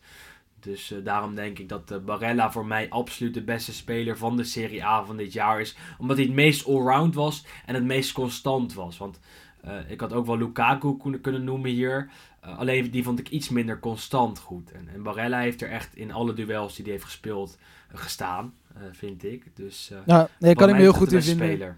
Ja. ik, kwam, ik kwam zelf inderdaad dan wel uit bij Lukaku. Ook gewoon vanwege het feit dat hij... ehm, ja, ik, ik gun het hem ook. vanwege zijn hele houding en eigenlijk zijn hele manier van ja, zijn. Ja, ja, ja, ja. Ja. als je begrijpt wat ik bedoel. ik, ik begrijp En wat hij, heeft, en hij heeft natuurlijk ook een klein beetje die, ehm, een beetje die Ibrahimovic-factor in de zin van... Het is echt een, iemand die zich ontfermt over een team en ook gewoon een beetje zo zijn armen eromheen slaat voor je gevoel om het team te beschermen. En ik denk zeker ook voor de teamgeest binnen Inter is hij heel goed geweest. En Ja, natuurlijk ook gigantisch veel doelpunten gemaakt. En je ziet echt eigenlijk vanaf het moment dat hij is gekomen. Natuurlijk samen met Conte was dat. En, en, Conte wist natuurlijk ook wel dat hij goed in zijn systeem zou passen. Maar ik denk dat dat ook een, echt een gigantisch belangrijke transfer is geweest in de geschiedenis van Inter. Want de manier hoe hij zich heeft, eh, ook heeft ontwikkeld. En ook gewoon van ja, bij Manchester United toch een beetje ja, een spits met mankementen voor je gevoel. Of in ieder geval zo werd hij altijd neergezet in de, in de media. En, en toch ook onder heel veel fans, eh, ook van de ploegen zelf, werd er vaak gezegd van ja, zijn eerste aanname is niet goed en het is nou niet echt mhm. een pure afmaker. En ik denk dat hij nu de afgelopen twee jaar bij Inter, natuurlijk Europa League finale, nu kampioen, in beide seizoenen gigantisch veel goals. en niet maar ook- vergeten wie maar die ook vervingen. Nee, en, en ook assists. Ja. En hij heeft eigenlijk, ja, Icardi, daar hoor je niks meer over. Ondanks dat het natuurlijk ook geen, eh, geen misselijke spits was. Maar ik denk dat het inderdaad heel knap is wat hij heeft neergezet. En, ehm, Ja, ik zou helemaal goed- eens. Ik zou Helemaal goed kunnen begrijpen dat hij die, die prijs straks ook krijgt van de Serie A. Omdat natuurlijk toch vaak iets aanvallender ingestelde spelers iets meer de, eh, de credits krijgen. Maar ik kan ook heel goed leven als het. eh, ik kan er ook heel goed mee leven als het wel Barella wordt. Ja, het is één van die twee, denk ik. toch de twee, de twee beste spelers van, eh, van Inter van dit seizoen. En wat je zegt, Lukaku is zo beslissend geweest. Dat moeten we ook niet vergeten. Het doelpunt tegen Milan. volgens mij de 0-3 nog als beste voorbeeld. Dat hij eh, zichzelf lanceert als een American voetbalspeler. En hem eh, de keihard in eh, ramt. Vanaf buiten de 16. Ja, dat, dat is zo mooi om te zien. Ik, da- daarvoor kijk ik voetbal, moet ik heel eerlijk zeggen. Dat, dat, dat hij zichzelf lanceert en dat je dan al weet dat niemand hem meer gaat stoppen. Ook een goal tegen Lazio kan ik me herinneren. En die hij op het laatste moment nog afgeeft, waardoor Lautaro Martinez kan scoren. Was ook zo'n typische Lukaku-actie. En ik denk dat hij op zijn plek is in de Serie A. En ook zeker moet blijven, want eh, ja, dit is de plek waar hij echt kan, eh, kan uitgroeien tot, tot absolute wereldtopper. En dat dat echt al aan het worden is. Eh, en wat je zegt, absoluut een van de beste spelers van de Serie A van dit jaar. En ik denk dat de luisteraars het daar ook wel mee, eh, mee eens zijn. Die dit lijstje ook gewoon even moeten meeschrijven en moeten invullen. nee, en met ons moeten delen natuurlijk, want dat maakt het leuk. Dit zijn onze meningen. We horen, eh, Isaac hebben we gehoord, we horen straks Juriaan nog. Maar ja, die, die meningen liggen natuurlijk allemaal wel een beetje bij elkaar, maar kunnen ook verschillen op sommige plekken. Gaan we door naar het grootste talent. En ja, zoals gezegd heb ik daar weer een Interspeler, Wes. Ja, en ook begrijpelijk. Ja. Maar dat is natuurlijk ook best wel lastig, want als je heel erg objectief naar dit seizoen kijkt. Ik zag net ook de, de Opta eh, Opstelling. opstelling, de Opta basiself eigenlijk, met de elf beste spelers op basis van de statistieken. En ik denk dat er niet heel erg veel spelers dit seizoen echt heel lang heel goed zijn geweest. En dat je inderdaad echt tot een rijtje van 14, 15 namen komt die echt wel top waren. Eh, dus op zich is het dan niet zo gek dat natuurlijk eh, ja, tussen die 15 dat je wel redelijk in hetzelfde vijvertje vist eigenlijk. Ja, zeker. Ehm, want ik had inderdaad als talent voorafgaand aan het seizoen als voorspelling had ik Moussa Barrow van Bologna. En die is toch een klein beetje, ja, hij heeft het niet slecht gedaan, acht doelpunten bij een Niet Bologna niet zo lekker nee. draaide, maar ook niet, ook niet fantastisch. En eigenlijk, dat vind ik dan wel knap, Sander Jongman, die had eh, natuurlijk Dusan Vlahovic. Eigenlijk gewoon puur op basis van het feit van, nou, hij is jong en, en hij is nog niet genoemd. Maar goed, die heeft natuurlijk wel een gigantisch seizoen doorgemaakt. En ik denk, Maar dit, dit was in de winter was dit toch al? Volgens mij zat toen de helft van het seizoen er al op. Toen zei eh, eh, Sander opeens, eh, weet je wat, na, na 2020 zeg ik gewoon dat Vlaovic talent van het jaar is. En die stond op dat moment op vier doelpunten in de Serie A ja, eh, zoiets. in, ja. in dit seizoen. Nou ja, daarna is hij pas echt ontploft. Nee, dat is natuurlijk wel knap. En zeker natuurlijk ook alle statistieken die voorbij zijn gekomen. Dat alleen Haaland eh, het beter deed van alle jonge spelers in Europa. En eigenlijk geldt een beetje voor hem natuurlijk hetzelfde als wat, eh, wat wij net hebben gezegd bij Simi. eh, over Simi bij Crotone natuurlijk. Ja, als je zoveel doelpunten maakt bij een team wat eigenlijk voor geen, ja, voor geen meter draait. Want Fiorentina was echt weer verschrikkelijk bij Vlagen dit seizoen. Ja, dat is, het is razend knap. En natuurlijk ook zeker in de wedstrijden tegen Juventus is hij echt een, plaaggeest geweest. Eh, we zeiden het gisteren nog tijdens de wedstrijd dat ik zei van ja, pff, Juve mag nu echt, ja, ze, die moet zich echt schamen dat ze nu, wat is het in totaal, 10 punten hebben verspeeld tegen Benevento en Fiorentina Ja, in totaal. En Vlaovic was grotendeels verantwoordelijk voor die vijf punten die Juve verspeelde tegen, tegen La Viola. En ja, is sowieso ook gewoon een hele fijne speler. En, fantastische en, linker. je, en je hoopt voor Fiorentina dat ze hem kunnen houden. Eh, maar het zou me niet verbazen als daar inderdaad ook gewoon een eh, flink bedrag naar, eh, naar Florence toe gaat. Dus je zag hem op lijstjes langskomen voor als clubs het niet lukt om Haaland te halen. Ja, Dat Vlaovic dan een, goed alternatief kan zijn. Heeft een fantastische linker, is snel, werkt hard, is sterk. Heeft echt alle ingrediënten om eh, te slagen in de Europese top. Dus waarom zou je het niet proberen? De enige reden kan zijn, eh, is dat Fiorentina wel 60 miljoen gaat vragen op dit moment, denk ik. Na dit seizoen, waarin Vlaovic echt is ontploft en, en ja, tot de betere spitsen eh, van de Serie A behoort. Eh, ik kan me voorstellen en vind ik het zeker terecht dat, dat hij door de meeste mensen tot nu toe als grootste talent is genoemd, eerlijk gezegd. Ja. Ja, ik ga toch weer voor een verdediger, Wes. Eh, eh, ja, Bastoni van Inter is, is echt een van de beste jonge centrale verdedigers van Italië, van, Europa wereld, en van de wereld, denk ik. Want heeft een goed linkerbeen, kan goed opbouwen, blijft altijd rustig en verdedigt ook gewoon daarnaast hartstikke goed. Ehm, hoort in het rijtje thuis met De Vrij en Skriniar, die, eh, die de Interdefensie op een gegeven moment eh, gewoon hebben gevormd. Zoals je zou verwachten, maar waar Conte eerst nog mee heeft gepuzzeld. En vervolgens kwamen Bastoni, De Vrij en Skriniar er samen te staan. En, en dat heeft gewoon eh, vanaf het eerste moment hartstikke goed gewerkt. En Bastoni was daar zeker een belangrijke schakel in. Altijd oplettend, maakt weinig foutjes meer. Eh, en, en dat op die leeftijd, want, want hij was vorig jaar ook al eh, redelijk vaak basisspeler. Toen nog eh, 20, 21, dit jaar eh, eh, 22 geworden. En, en toch al goed genoeg om straks tijdens het EK in de basis te staan bij Italië, wat mij betreft. Al valt dat, nog, nog, valt dat nog een beetje te bezien, omdat hij bij Inter natuurlijk in een driemansverdediging speelt. En bij Italië ze dat meestal met vier man achterin doen. Maar ja, als Bastoni zo geconcentreerd, goed en constant kan zijn bij de landskampioen van Italië en pas 22 is, dan ben ik heel erg benieuwd waar het eh, schip voor hem gaat stranden. Ehm, en ik denk eh, in de absolute top, eerlijk gezegd. Belangrijk om te zeggen, jeugdopleiding van Atalanta komt er ook vandaan. Ja, ik denk dat bij Bastoni natuurlijk een beetje hetzelfde verhaal als bij Matthijs de Ligt. Dat als je die jongens ziet spelen, denk je, dit zijn gewoon gasten van 829 die echt al jaren meegaan.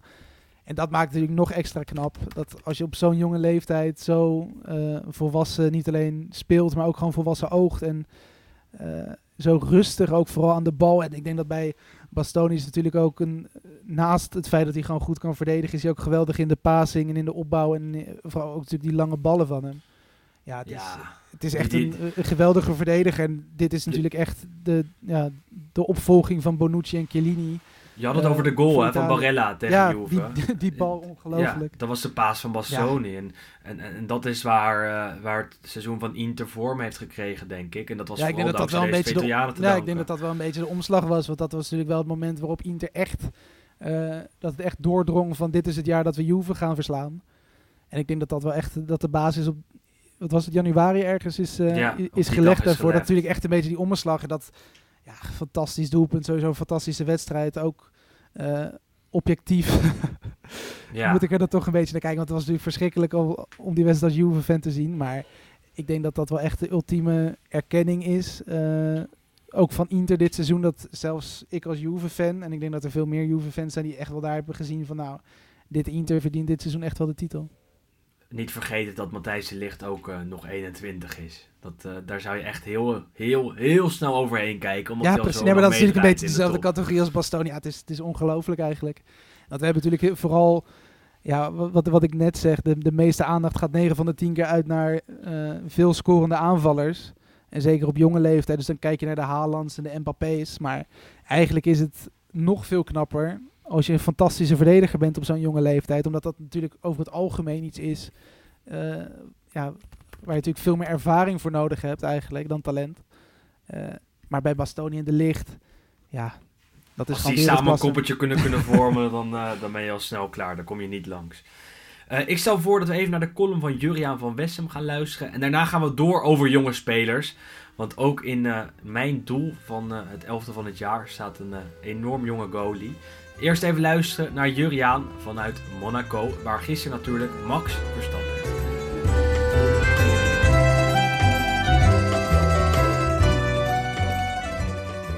Terugkijkend op een seizoen is het evident dat Inter alle waardering verdient.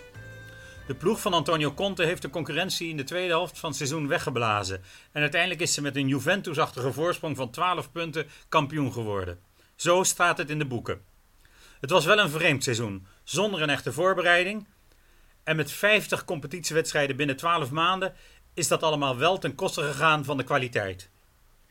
Het is dan ook logisch dat voor mij Antonio Conte de trainer van het seizoen is geworden, ondanks dat Rino Gattuso, Stefano Pioli en Giampiero Gasperini waardering verdienen voor hun werk in dit seizoen. Maar Conte heeft gewerkt onder een stevige druk, niet alleen sportief, maar ook vanwege de onrust in de kleedkamer, toen de Chinese eigenaren even niet thuis gaven en de spelers zich afvroegen waar ze het allemaal voor deden. Wat Conte typeerde was dat hij in december na de uitschakeling in de Champions League zijn ploeg ombouwde en bij Sassuolo de juiste formule vond. De wedstrijden tegen Juventus en Milan waren de lakmoesproef voor het succes. En daarna was het voor hem, net als Verstappen in Monaco gisteren, de race foutloos uitrijden. Hetgeen lukte. De grote verrassing voor mij is Lo Spezia, de ploeg van Vincenzo Italiano. Tot december mocht die ploeg geen thuiswedstrijden spelen. Vanwege ja, eigenlijk een tekortkoming van het eigen stadion. En werd het verbannen naar Cesena. En toen het dan eindelijk in januari zijn eerste thuiszege boekte op Sampdoria. Heeft het de weg gevonden om zich eigenlijk soeverein te handhaven. Echt een knappe prestatie van een ploeg waarbij ik één speler wel wil benoemen. Enzola. Niet alleen vanwege zijn naam, maar ook vanwege zijn spectaculaire inbreng.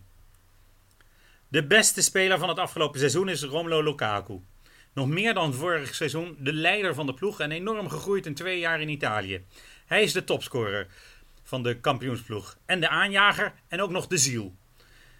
Hij leek soms op uh, Ruud Gullit in diens eerste seizoen bij uh, Milan. Maar was vooral doorslaggevend in de topwedstrijden met zijn maatje Lautaro Martinez. En hij vormde eigenlijk met Martin Lautaro een duo zoals Gullit dat vormde met Virdis. Hij was zeker beter en belangrijker, want doorslaggevender dan Cristiano Ronaldo en Zlatan Ibrahimovic. Voor mij dus gaat de gouden palm van de beste speler naar Romelu Lukaku. De beste keeper is voor mij nog altijd Samir Handanovic, de Jan Oblak van de Serie A. Hij is de minst gepasseerde keeper. Hij is ook wel de meest betrouwbare keeper, niet alleen bij strafschoppen. Maar wat zijn koelbloedigheid typeert, is toch wel dat als hij een fout maakt, hij meteen er weer een goede redding tegenover gezet. De beste verdediger, als absolute centrale verdediger sprekend, is Simon Kjær. Of Kjær, of Kjaar, of hoe je hem ook maar wil noemen. De Deen is voor mij eigenlijk de verrassing van de ploeg van AC Milan wat betreft de defensie. Niemand rekende meer op hem nadat hij min of meer was afgeschreven door Atalanta en eigenlijk aan AC Milan werd gegeven omdat daar wat gaten in de muur was ontstaan naar een 5-0 nederlaag in, het, in de afgelopen seizoen. Maar die Kjær heeft zich echt heel knap ontwikkeld en dankzij hem heeft Milan toch wel soeverein aan kop kunnen staan omdat de defensie echt goed stond. De beste middenvelder is voor mij Frank Kessier. Een echte leider, eigenlijk de nieuwe Seedorf. En met zijn strafschoppen ook gisteren weer doorslaggevend. En de beste aanvaller is dus Lukaku. Maar Osimhen en Muriel verdienen een eervolle vermelding. En natuurlijk had ik graag Simi even willen noemen, bij deze dus. Talenten is een moeilijkere categorie in Italië. Want hoewel er best veel tieners een kans krijgen in de Serie A, zijn er maar weinig spelers die we in Nederland al voor deze titel zouden aanwijzen. Maar de speler die de meeste indruk op mij heeft gemaakt en eigenlijk de talentvolle revelatie is, is Ashraf Hakimi. Die dit seizoen in de tactiek van Conte een cruciale rol speelde en natuurlijk ook belangrijke doelpunten en assists op zijn rekening nam. In totaal zelfs 7 goals. Eervolle vermeldingen zijn er voor Theo Hernandez, ook echt een van de spelers die uh, AC Milan uh, omhoog heeft gestuurd. Mikkel Damsgaard, die een beetje een teleurstellend slot van het seizoen kende en waarschijnlijk een grote transfer gaat maken. En natuurlijk een andere verrassing, Dusan Vlahovic. We kenden hem wel, maar dit jaar is hij dan echt geëxplodeerd. En dan kom ik meteen bij de grootste teleurstelling van dit seizoen. Cesare Prandelli. Instappen is al iets wat je bij Prandelli maar beter niet kan doen. Maar futloos uitstappen is wel het ergste wat een trainer met zijn naam kan overkomen. En zeker van Fiorentina had meer verwacht mogen worden in dit seizoen. Het is dat de trouwe Jacchini de ploeg uiteindelijk in veilige haven wist te loodsen. Hopelijk gaat Gattuso daar aan de slag. Maar of de wijnboeren uit Chianti op hem zitten te wachten, vraag ik me echt af.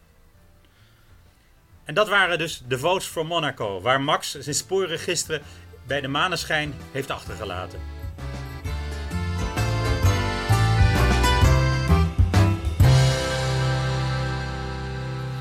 Ja, ook de laatste column van Juriaan van Wessem van dit seizoen uh, ja, was weer mooi.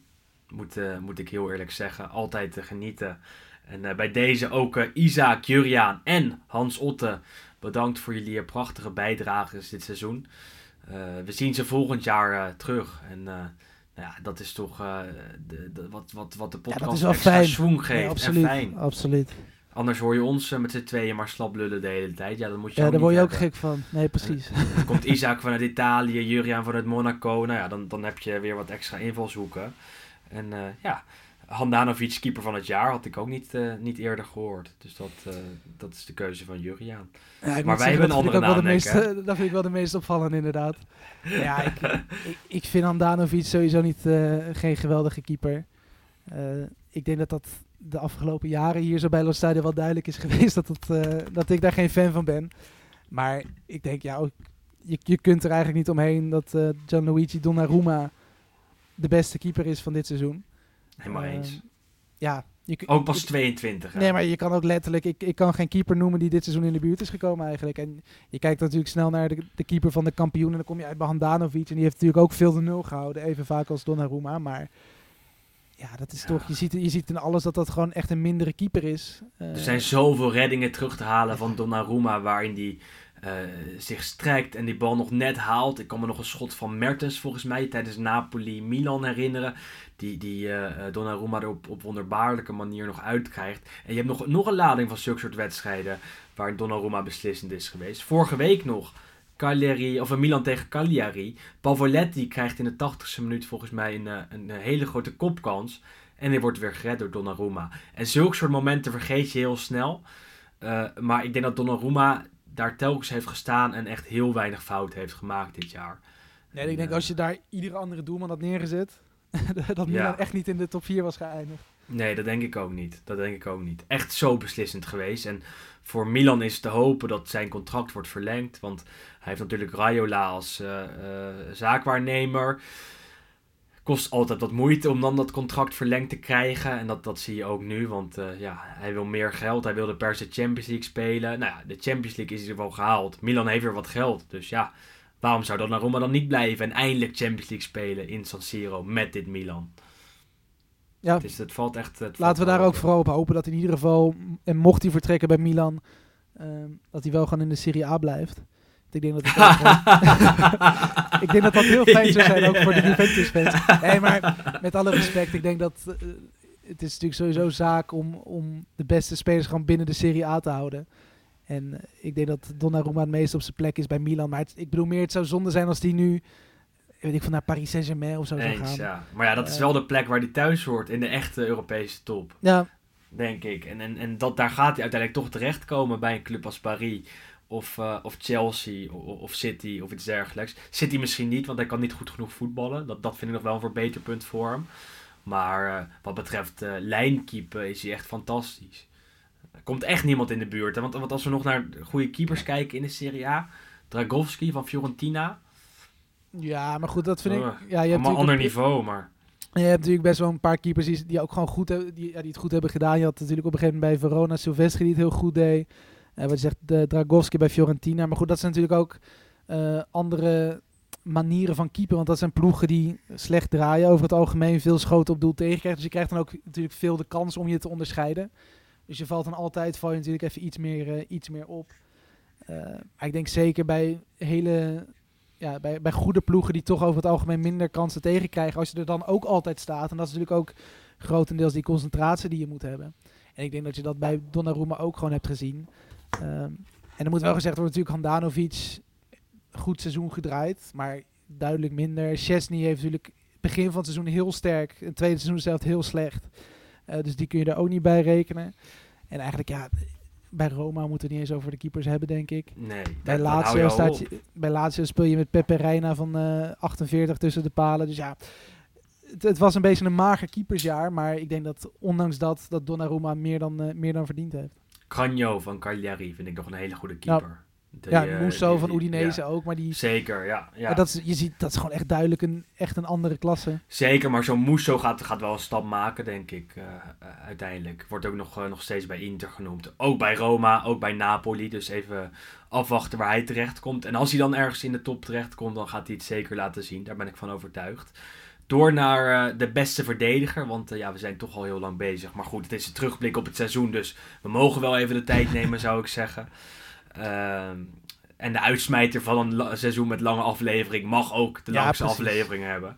Eh, beste verdediger, zijn we daar ook over eens? Want ik weet niet wie jij daar hebt ingevuld. Ik denk over de nationaliteit wel. Ja, ja, ja. Koppeltje. Een koppeltje. Nou ja, hopelijk voor op het EK. Natuurlijk met Van Dijk en Blind zijn natuurlijk niet fit.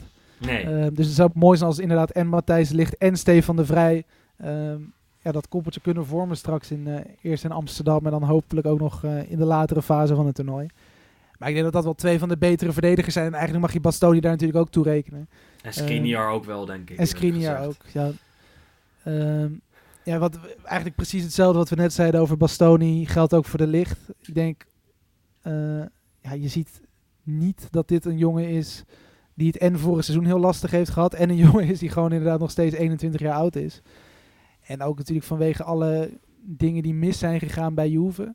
eh, is de licht eigenlijk gewoon de beste speler geweest dit seizoen. Die ook gewoon echt heel erg constant heeft gepresteerd. En eigenlijk iedere wedstrijd eh, ja, een ruime 7 speelde eigenlijk. Ja, Eh, ja. Hij heeft natuurlijk wel een paar hele kleine foutjes gehad, maar die ook niet volledig aan hem eh, te wijten waren. Maar vooral, en dat is iets wat me nu de laatste week is opgevallen, dat er natuurlijk echt weer om ging. En dat Juve ook bij Vlagen werd, werd teruggedrukt door sommige, door sommige ploegen. Hetgene waar hij dus echt heel goed in is, is het blokken van ballen. En dat, dat was me voorheen nog niet per se heel vaak opgevallen. Maar hoe vaak Matthijs Ligt op het laatste moment nog echt een teen of een knie of een dij of een, iets tussen een schot en een, eh, en een doelpunt krijgt. Dat is echt heel erg knap. Knok zich En- altijd terug. Ja, het, het, het, het is echt een fantastische verdediger. En ik denk dat dat ehm, een belangrijkere aankoop is geweest voor Juve dan Cristiano Ronaldo een paar jaar geleden. Eh, ja, ja, en zeker ja, met het oog op de toekomst natuurlijk. En ik denk dat dit, eh, ondanks eh, dat hij eigenlijk jonger is dan Bastoni, die we dan toch wel als eh, grootste talent hebben genoemd, dat dit eigenlijk ook gewoon een van de beste verdedigers van Italië is. Maar bij Stefan de Vrij, want die heb Ja. jij geloof ik, daar kun je, Ja, daar kun je, daar kun je eigenlijk ook niet omheen. Alleen ik, ik heb bij Je Stefan de Vrij iets minder dat het, ehm, dat is echt een stille verdediger. En bij de Ja, licht heb ja, je toch ja, meer eens, iets- eens, het, eens. het zichtbare nog een beetje. Maar ook stille verdedigers moeten worden beloond, denk ik. absoluut, Want absoluut. eh, De Vrij maakt echt nooit een foutje. eh, heeft er het hele seizoen gestaan. Is nu heel erg moe. Eh, dat zie je de afgelopen weken, want hij speelt echt nauwelijks meer. en wil wel op het EK er staan. Ehm, maar in de tijd dat Inter het lastig had hè, en, en moest presteren, stond de Vrij telkens in het hart van de defensie. Was hij de verdediger die eh, verantwoordelijk was voor de opbouw. Maar ook verdedigend echt, eh, echt super was. En na één tackle springt er daaruit. Ook, ook bij Napoli, tijdens Napoli-Inter. Waarin de scheidsrechter eerst een penalty geeft. Omdat hij denkt dat de vrij vol de, de, de man raakt. Dan kijk je in de herhaling. En het is gewoon een super goede tackle op de bal. Eh, waarin die, eh, ja, waarmee die eh, Napoli van scoren afhoudt. En zulke soort momenten heeft de vrij misschien niet super vaak op die manier. M- die- maar die heeft hij niet omdat hij super slim is. En vaak de spits te, te, te, te slim af is. En ja, dat, dat vind ik echt heel erg knap. En na zijn tijd bij Lazio heeft hij zich bij Inter gewoon nog meer ontwikkeld in de Serie A. Ik had niet verwacht dat de Vrije zo goed zou worden en, en een van de beste verdedigers van Italië zou worden. Maar dat is hij absoluut zeker. En dat, dat, dat is ook alom eh, gedeeld zo. Dat vinden echt heel veel mensen. Eh, en dat is eh, een groot compliment voor de Vrij, die het natuurlijk lastig heeft gehad, omdat hij door zijn zaakwaarnemers is genaaid. En ook misschien wel een beetje door Inter. Dus dan maar de vraag of, eh, of die bij, bij Inter wil blijven. Desalniettemin echt van hem genoten dit jaar. En, en dat is echt, echt heel, een hele belangrijke schakel geweest in het succes van Inter dit seizoen. En dat moet, dat moet je niet ontkennen. Nee, nee. Ja, dat, dat is mijn pleidooi voor de vrij als beste verdediger. En dat was hij vorig jaar natuurlijk ook officieel al in de Serie A. Dus ik ben benieuwd of ze het bij, eh, bij eh, de voetbalbond en bij de competitie eh, ja, aandurven om hem weer te noemen. Dat, dat valt nog te, te bezien. En kan ik me voorstellen dat ze dan met iemand anders aankomen. Met de licht bijvoorbeeld, inderdaad. Ja. Maar dan heb je gewoon de twee beste centrale verdedigers van, de, van de Serie A als Nederlander. Nou ja, dat, dat is toch fantastisch. De competitie van het verdedigen, Wes. Ja, Waar de als, eh, boventoon. Ja, ja. Bijzonder. Volgende linie, beste middenvelder. Ik had natuurlijk Barella al als beste speler, dus eigenlijk moet ik hem daar ook neerzetten. Ja, ja, en ik ook. Ja, Ja, kan niet je, kunt er bijna niet, je kunt er bijna niet omheen hoor. Maar namen denk- die daar nog moeten Ja. worden genoemd zijn er genoeg. Nee, ik denk dat Frank Kessier is natuurlijk wel een van de spelers die ook de grootste progressie hebben geboekt. Het vertekent natuurlijk een beetje dat hij dit seizoen volgens mij 11 of 12 keer heeft gescoord eh, uit strafschop. Dus dat, dat is toch een beetje, eh, ja, het vertekent misschien zijn statistieken een klein beetje. Maar ik denk ook dat hij de progressie die hij heeft geboekt, en je zag het ook gisteren volop in de strijd, maar vooral ook gewoon echt een gigantisch sterke speler geworden. Ehm, gisteren in de laatste, nou, vanaf minuut 85 heeft hij volgens mij gewoon 10 minuten lang de bal beschermd bij de cornervlag eh, in, Ber in Bergamo en niemand kwam erbij.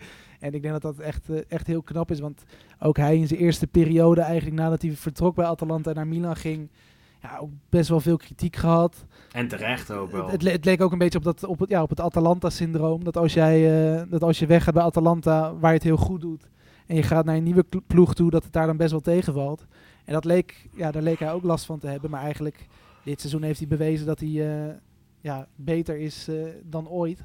Beter dan in zijn Atalanta-periode. En dat hij nu echt wel behoort tot de beste spelers eh, op het middenveld in, eh, in Italië. Zeker. Maar ik denk dat er meerdere spelers zijn in iets mindere mate. Rodrigo de Paul, Ja, ik wilde Malinowski de laatste maanden. Ja, Eh, ja. Zielinski van Napoli. Zielinski van Napoli ook echt een heel goed seizoen gedraaid. Dus er zijn genoeg namen. Maar wat jij net, net zegt bij Barella. Daar ben ik het eigenlijk volledig mee eens. Ik wilde Paul ook nog even benadrukken. Daar heb ik echt eh, van alle Serie A-spelers buiten Inter het meest van genoten, denk ik eerlijk gezegd. Omdat En dat ook bij een kleine technisch ploeg, zo dat is ook gewoon heel ja. knap. En, en echt de leider van Udinese is. En ook dingen doet eh, die niemand bij Udinese kan. En, en ze dan toch weer naar een overwinning loodst. En, en dat heeft hij eh, bij, bij, bij Udinese echt zeker laten zien. Verdient ook een transfer. Alleen ja, wie gaat er nu 40 miljoen voor hem neerleggen? Dat is weer de vraag. Eh, zeker in deze tijd waarin al die teams het zo lastig hebben financieel. Ja, hoop ik niet dat eh, de Paul volgend jaar weer bij Udinese speelt. Want die verdient nu echt wel een stap. Misschien wel naar Atalanta, wat natuurlijk een hartstikke fantastische transfer zou zijn. Eh, het schijnen geïnteresseerd te zijn, maar ja, dat is ook financieel natuurlijk maar te, te bezien. En ja, wilde Paul van, eh, van Udinese naar Atalanta, ja, dat, dat weet je ook nog niet. Want dat is niet een Ja, fantastisch grote stap. Nee, en hij is natuurlijk ook al 27 jaar Argentijns international. Ehm, dus ik neem aan dat hij op een gegeven moment ook wel in ieder geval echt naar een grotere ploeg wil. En Paris Saint-Germain zou, zou, zou kunnen, weet je wel, zoiets. ja, dat is liefst binnen de Serie er A een beetje bij natuurlijk. past. Maar ja. ja. Beste aanvaller? Lukaku hebben we daar allebei. Ja. Dus deze kunnen snel langs. Ja, Lukaku, waarbij Simpel. Ibrahimovic moet worden genoemd. Waarbij eh, Cristiano Ronaldo ook zeker langskomt. Ibra natuurlijk maar 41% van de Serie A-wedstrijden van Milan gespeeld. Ehm, eh, Ronaldo, ja, wel heel veel doelpunten. Gisteren op de bank, hebben we nog niet over gepraat. Wel heel Ja. erg verrassend, hè? Ja, had blijkbaar dus aangegeven eh, dat, dat hij echt moe was en dat, het- dat het echt eh, even niet meer ging. Ja, echt, Blijkbaar. echt, En, trap het- er niet in. Het, het, het is heel vreemd. Ik Ja. bedoel, als jij, als jij in, in de seizoensfinale, als je dan opeens zegt het lukt niet meer. Ja, het lijkt een beetje alsof hij, ik weet niet wat voor spelletje het was, maar je hebt toch een beetje het idee dat hij een soort plannetje had gesmeed van als ik nou op de bank ga zitten en Juve lukt niet, dan kunnen we het ook nog soort van zo spinnen in de media dat ze mij niet wilden laten spelen. Ja. Dus dat is dan makkelijk om weg te gaan bij, eh, bij Juve. Ehm ja, goed, het, sowieso. seizoen, het, se- het seizoen van hem was prima en hij scoort fantastisch vaak weer. En hij wordt topscorer van de Serie A. Maar hij is niet zo beslissend geweest als Lukaku. En ook Nee. niet zo beslissend als Ibrahimovic. Nee, absoluut niet. Nee, het is puur en alleen vanwege het feit dat hij 29 keer scoort dat hij genoemd mag worden. Maar ik denk niet eens dat de beste aanvaller is van, eh, van Juventus dit seizoen. Want dat is voor mij is dat eh, Federico Chiesa. Ja, Die me ook echt gigantisch heeft, eh, heeft verrast eigenlijk. En die, hij is nu volgens mij drie, wordt volgens mij 24. Dus voor grootste talent werkt het niet meer. Maar ja, ik denk dat Federico Chiesa echt een fantastisch seizoen heeft gedraaid. En echt ja, toch wel misschien de beste speler was bij, bij Juventus samen met Quadrado misschien. En de licht. ja. Ja. ja. En voor de rest, Luis Muriel vergeten we nog te, Nou. noemen hier. Want 22 doelpunten bij Atalanta, vaak als invaller. Eh, ja, zo van hem genoten. En ik, ik zei net al dat eh, Atalanta-Roma een van de mooiste wedstrijden was van dit seizoen. En het doelpunt van Muriel is wat mij betreft de goal van het jaar. Omdat hij daar à la Ja. Ronaldo de keeper passeert. Eh, en dat was echt een moment waar, waar ik echt opsprong en dacht, zo, dit is, dit is zo mooi. En, en daar zorgt Muriel toch wel meer voor dan, dan elke andere eh, spits in de Serie A, denk ik. Ja. Ehm, en jij hebt hem ook wel eens met, ja, met Het Ronaldo een spits, vergeleken. het is echt een spits dan. met een entertainment, eh, heel hoog entertainment gehalte. En eh, ja, dat is wel echt een speler waarvoor je denk ik ook naar wedstrijden van Atalanta gaat kijken. En ook straks als we weer mogen naar het stadion toe gaat. Maar wat je zegt, ik denk dat Lukaku wel echt de meeste ja, beslissende speler is geweest. Ja, ja. Dus het, ja, het kan bijna niet anders dat Lukaku die, eh, met die prijs aan de haal gaat. Eervolle vermelding ook voor Immobile, die eh, eh, weer eh, de 20 heeft gehaald. De 20 heeft gemaakt dit jaar in, eh, in de Serie A. En eh, dat bij een Lazio dat dit jaar ook niet draaide. Ja, en bij de middenvelders net nou, trouwens nog Mkhitaryan vergeten. Die, eh, Ja. die ook fantastische cijfers heeft gehaald. En eh, wat mij betreft ook zeker in dat elftal van het jaar hoort.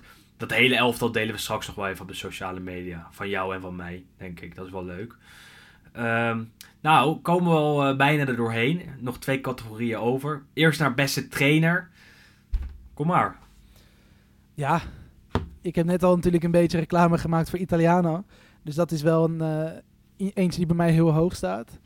Ehm, en daarnaast denk ik ook gewoon dat Gasperini nog een keer eh, lof verdient voordat hij, eh, voor wat hij met Atalanta heeft bereikt. Maar ik denk als je over het hele seizoen kijkt en vooral over de eh, ja, verandering binnen een club die een trainer heeft ja, bewerkstelligd, dan denk ik ook dat hier weer een prijs richting het zwart-blauwe deel van Milaan gaat. En dat Antonio Conte Ja. de prijs verdient. Want eigenlijk wat ik net zeg bij Lukaku, dat hij ja, de club en de mentaliteit heeft veranderd, is bij Conte eigenlijk hetzelfde. En het is natuurlijk een verschrikkelijke vent. Ik denk dat we daar allemaal over eens zijn dat dat eh, absoluut geen makkelijke, leuke, aangename man is. Maar ik denk als dit je trainer is, eh, ja, echt door het vuur. En, en de manier waarop hij de club ook van binnenuit heeft geprofessionaliseerd. En, en vooral ook met die mentaliteit en met die, met die groep en het groepsgevoel bezig is geweest. Want ja, dat is, dat is razend knap. Want als je ziet hoe, Kan die, jij, eh, hoe die spelers ja, zo een groep zijn geworden nadat je eigenlijk bij Inter jarenlang toch een beetje los zand hebt gezien. Ja, dit is, ik vind het echt, eh, ja, Kan jij je nog de aflevering, na, de, de aflevering na Roma-Inter nog herinneren? En de aflevering na de Champions League uitschakeling van Inter? Toen ben ik twee keer zo boos binnengekomen. Ik was er je helemaal bijna in klaar het, mee. eh, in het zwart, het begrafenispak had je aangetrokken. Ik ben de afgelopen jaren niet zo zagrijnig geweest als na Roma-Inter. Toen het nog 2-2 werd door twee slechte wissels van Conte. Die, die Kolarov en Perisic er- erin bracht. Ehm, maar ja, en toen heb ik hem echt vaak afgekraakt. En ook gezegd dat het zo niet meer ging. En dat het eigenlijk tijd was voor Conte om op te stappen. Nou ja, het tegendeel was inmiddels bewezen. En mijn opportunistische mening is ook niks meer waard. Want ondertussen zit ik hier en heb ik het lijstje voor me. En heb ik Conte als trainer van het jaar genoemd hoor. Dus, Ja. ja, Ja, nee, groot ja, gelijk toch. maar goed, ik denk dat dat ook. Ja, dat, zo ik hoort denk dat, dat dat ook. ook eh, wel, wel grappig is als jij, of tenminste als wij het, het hele seizoen terugluisteren en ze zien wat voor uitspraken we hebben gedaan. Volgens mij, nou, de eerste wedstrijd van Pirlo zei ik van dit zou best wel eens een geweldige trainer kunnen zijn. Nou En, ja, en jij inderdaad bij Conte van eh, na die Champions League uitschakeling, dit is verschrikkelijk en hij moet weg. Ik denk dat we heel veel mooie opportunistische dingen hebben genoemd, maar zo gaat dat als je, als je zo zoveel uur over Italiaans voetbal praat. Dan zijn er altijd meningen die, eh, die worden herinnerd en waarvan men zegt, ja, dit gaat echt niet. Eh, ik werd begin dit seizoen ook nog eh, gewezen op het feit dat ik Perin een keer beter noemde dan Donnarumma.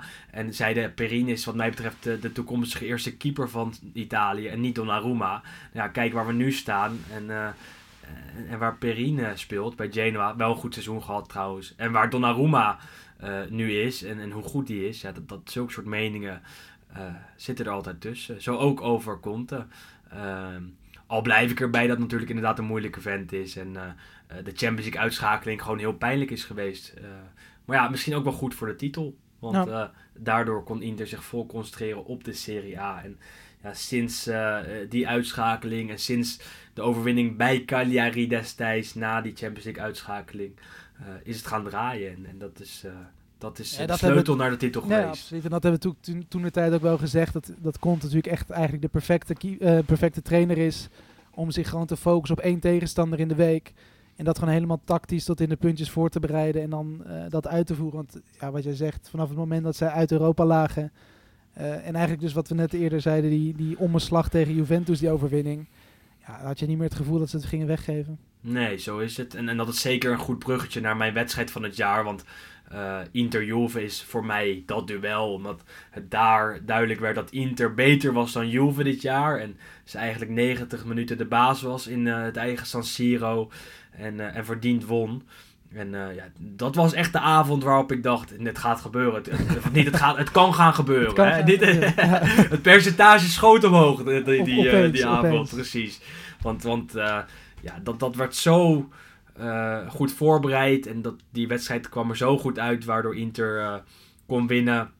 En eh, Juve de baas was. En vanaf dat moment is bij Juve eigenlijk blijven rommelen. En bij Inter eh, eh, werd de weg omhoog, eh, die al was ingezet, voortgezet. Want eh, ja, 91 punten voor Inter. eh, by far eerste en eh, landskampioen voor het eerst sinds 2010. Dan mag ik als Interista trots zijn op, op die mooie wedstrijd waar je eigenlijk de kampioen echt hebt ontroond.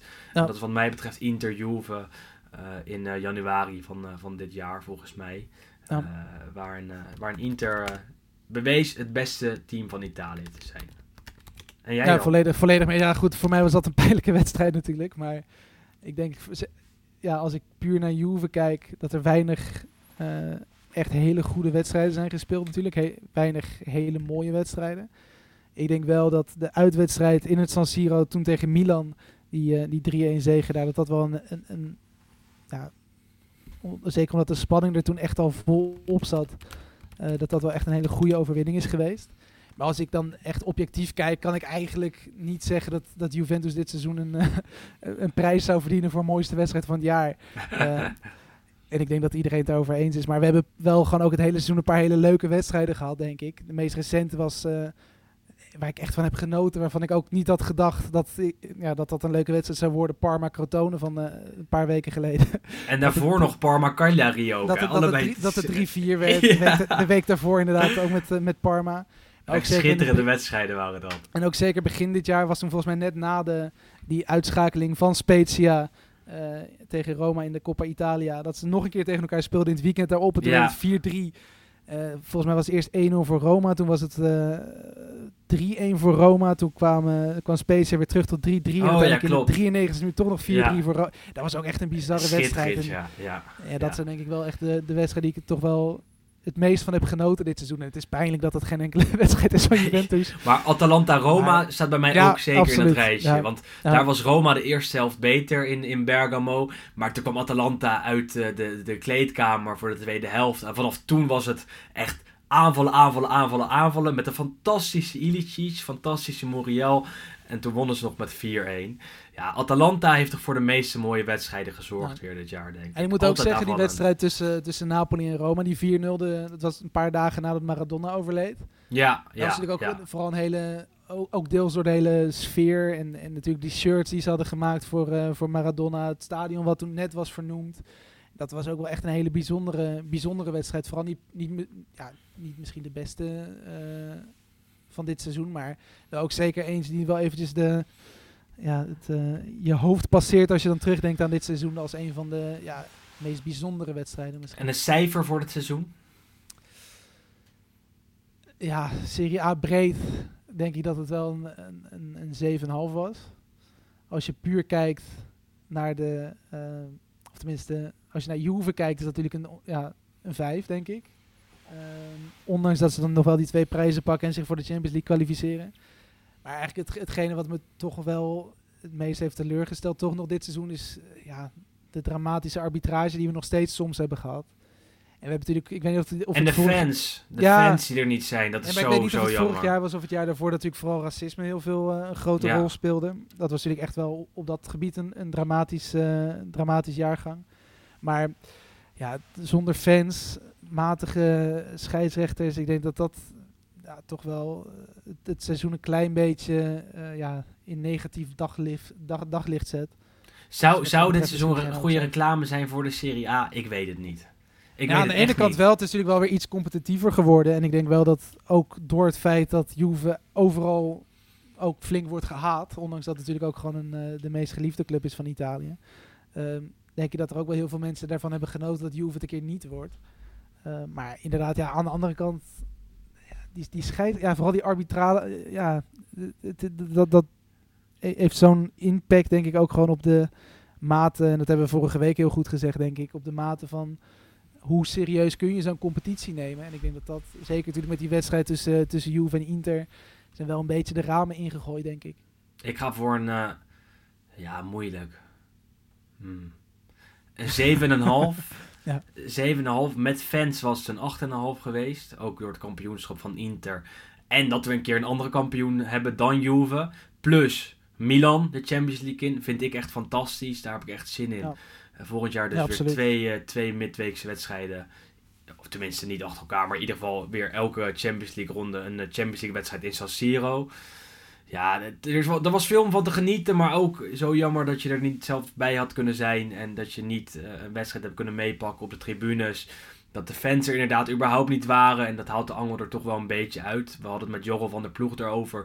Dat het gedeelde orgasme op de tribunes echt prachtig is in, eh, in Italië. En dat je eh, daarvoor ook naar dat stadion wil. En dat je zo keihard wil juichen. Dat je eh, voelt dat er wat staat te gebeuren. Dat heb je dit seizoen echt niet gehad. En dat haalt de angel er dus wel echt een beetje uit.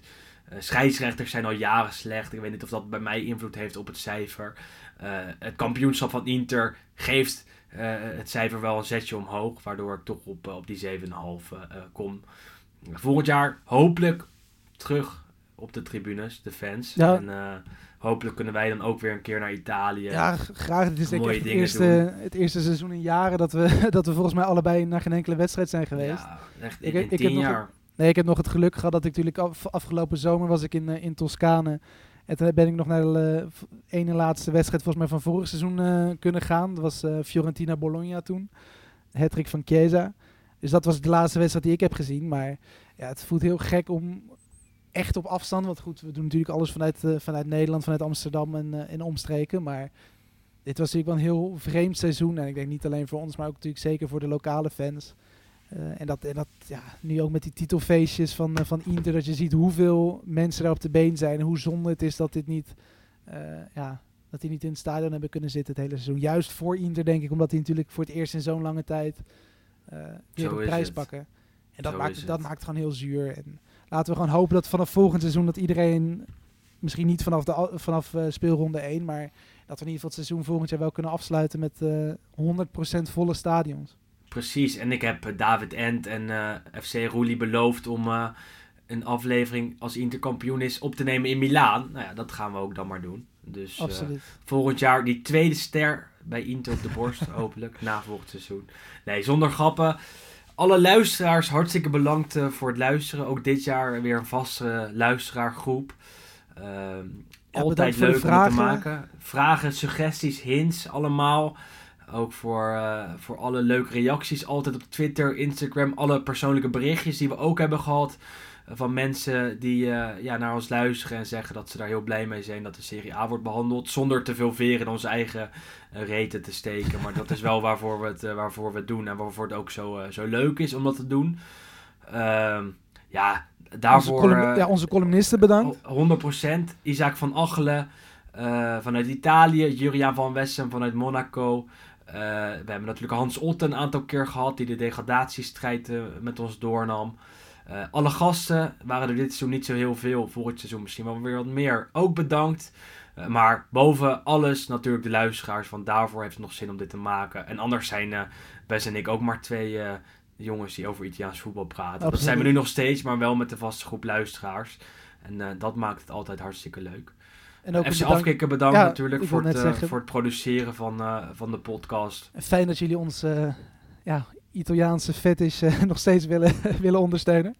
Zo is dat. En eh, voor eh, nu, tot volgend seizoen. Hartstikke bedankt. En we hebben zin in het EK. Misschien doen we daar nog wel wat dingetjes omheen. Ja. Maar dat zien we tegen die En tijd er komt ook nog één voor de, de, de winnaar van de Lo Stadio voorspelling. Of hoe noemen we het? De Lo Stadio Awards. Geen idee hoe we het toen hebben genoemd. De voorspelwedstrijd van, Ja, van Lo Stadio. Dat moeten we nog heel veel wachten. Eh, want een van de, of tenminste vier van de vragen waren geloof ik van de, voor de Serie A prijzen. Dus wie de beste keeper, verdediger, middenvelder, aanvaller en grootste talent wordt. Die prijzen zijn nog niet eh, uitgereikt. Dus dat eh, komt er nog aan. Dus iemand gaat er nog vandoor met het mooie, wat was het? Fiorentina retro shirt, shirt van? Fiorentina heb ik nog altijd in de verpakking. Geen zorgen, ik heb het Dus niet die- gedragen. Dus die Dus, komt eh, naar ja. iemand toe. Eh, die mag zich dan de meestervoorspeller van eh 2020-21 noemen.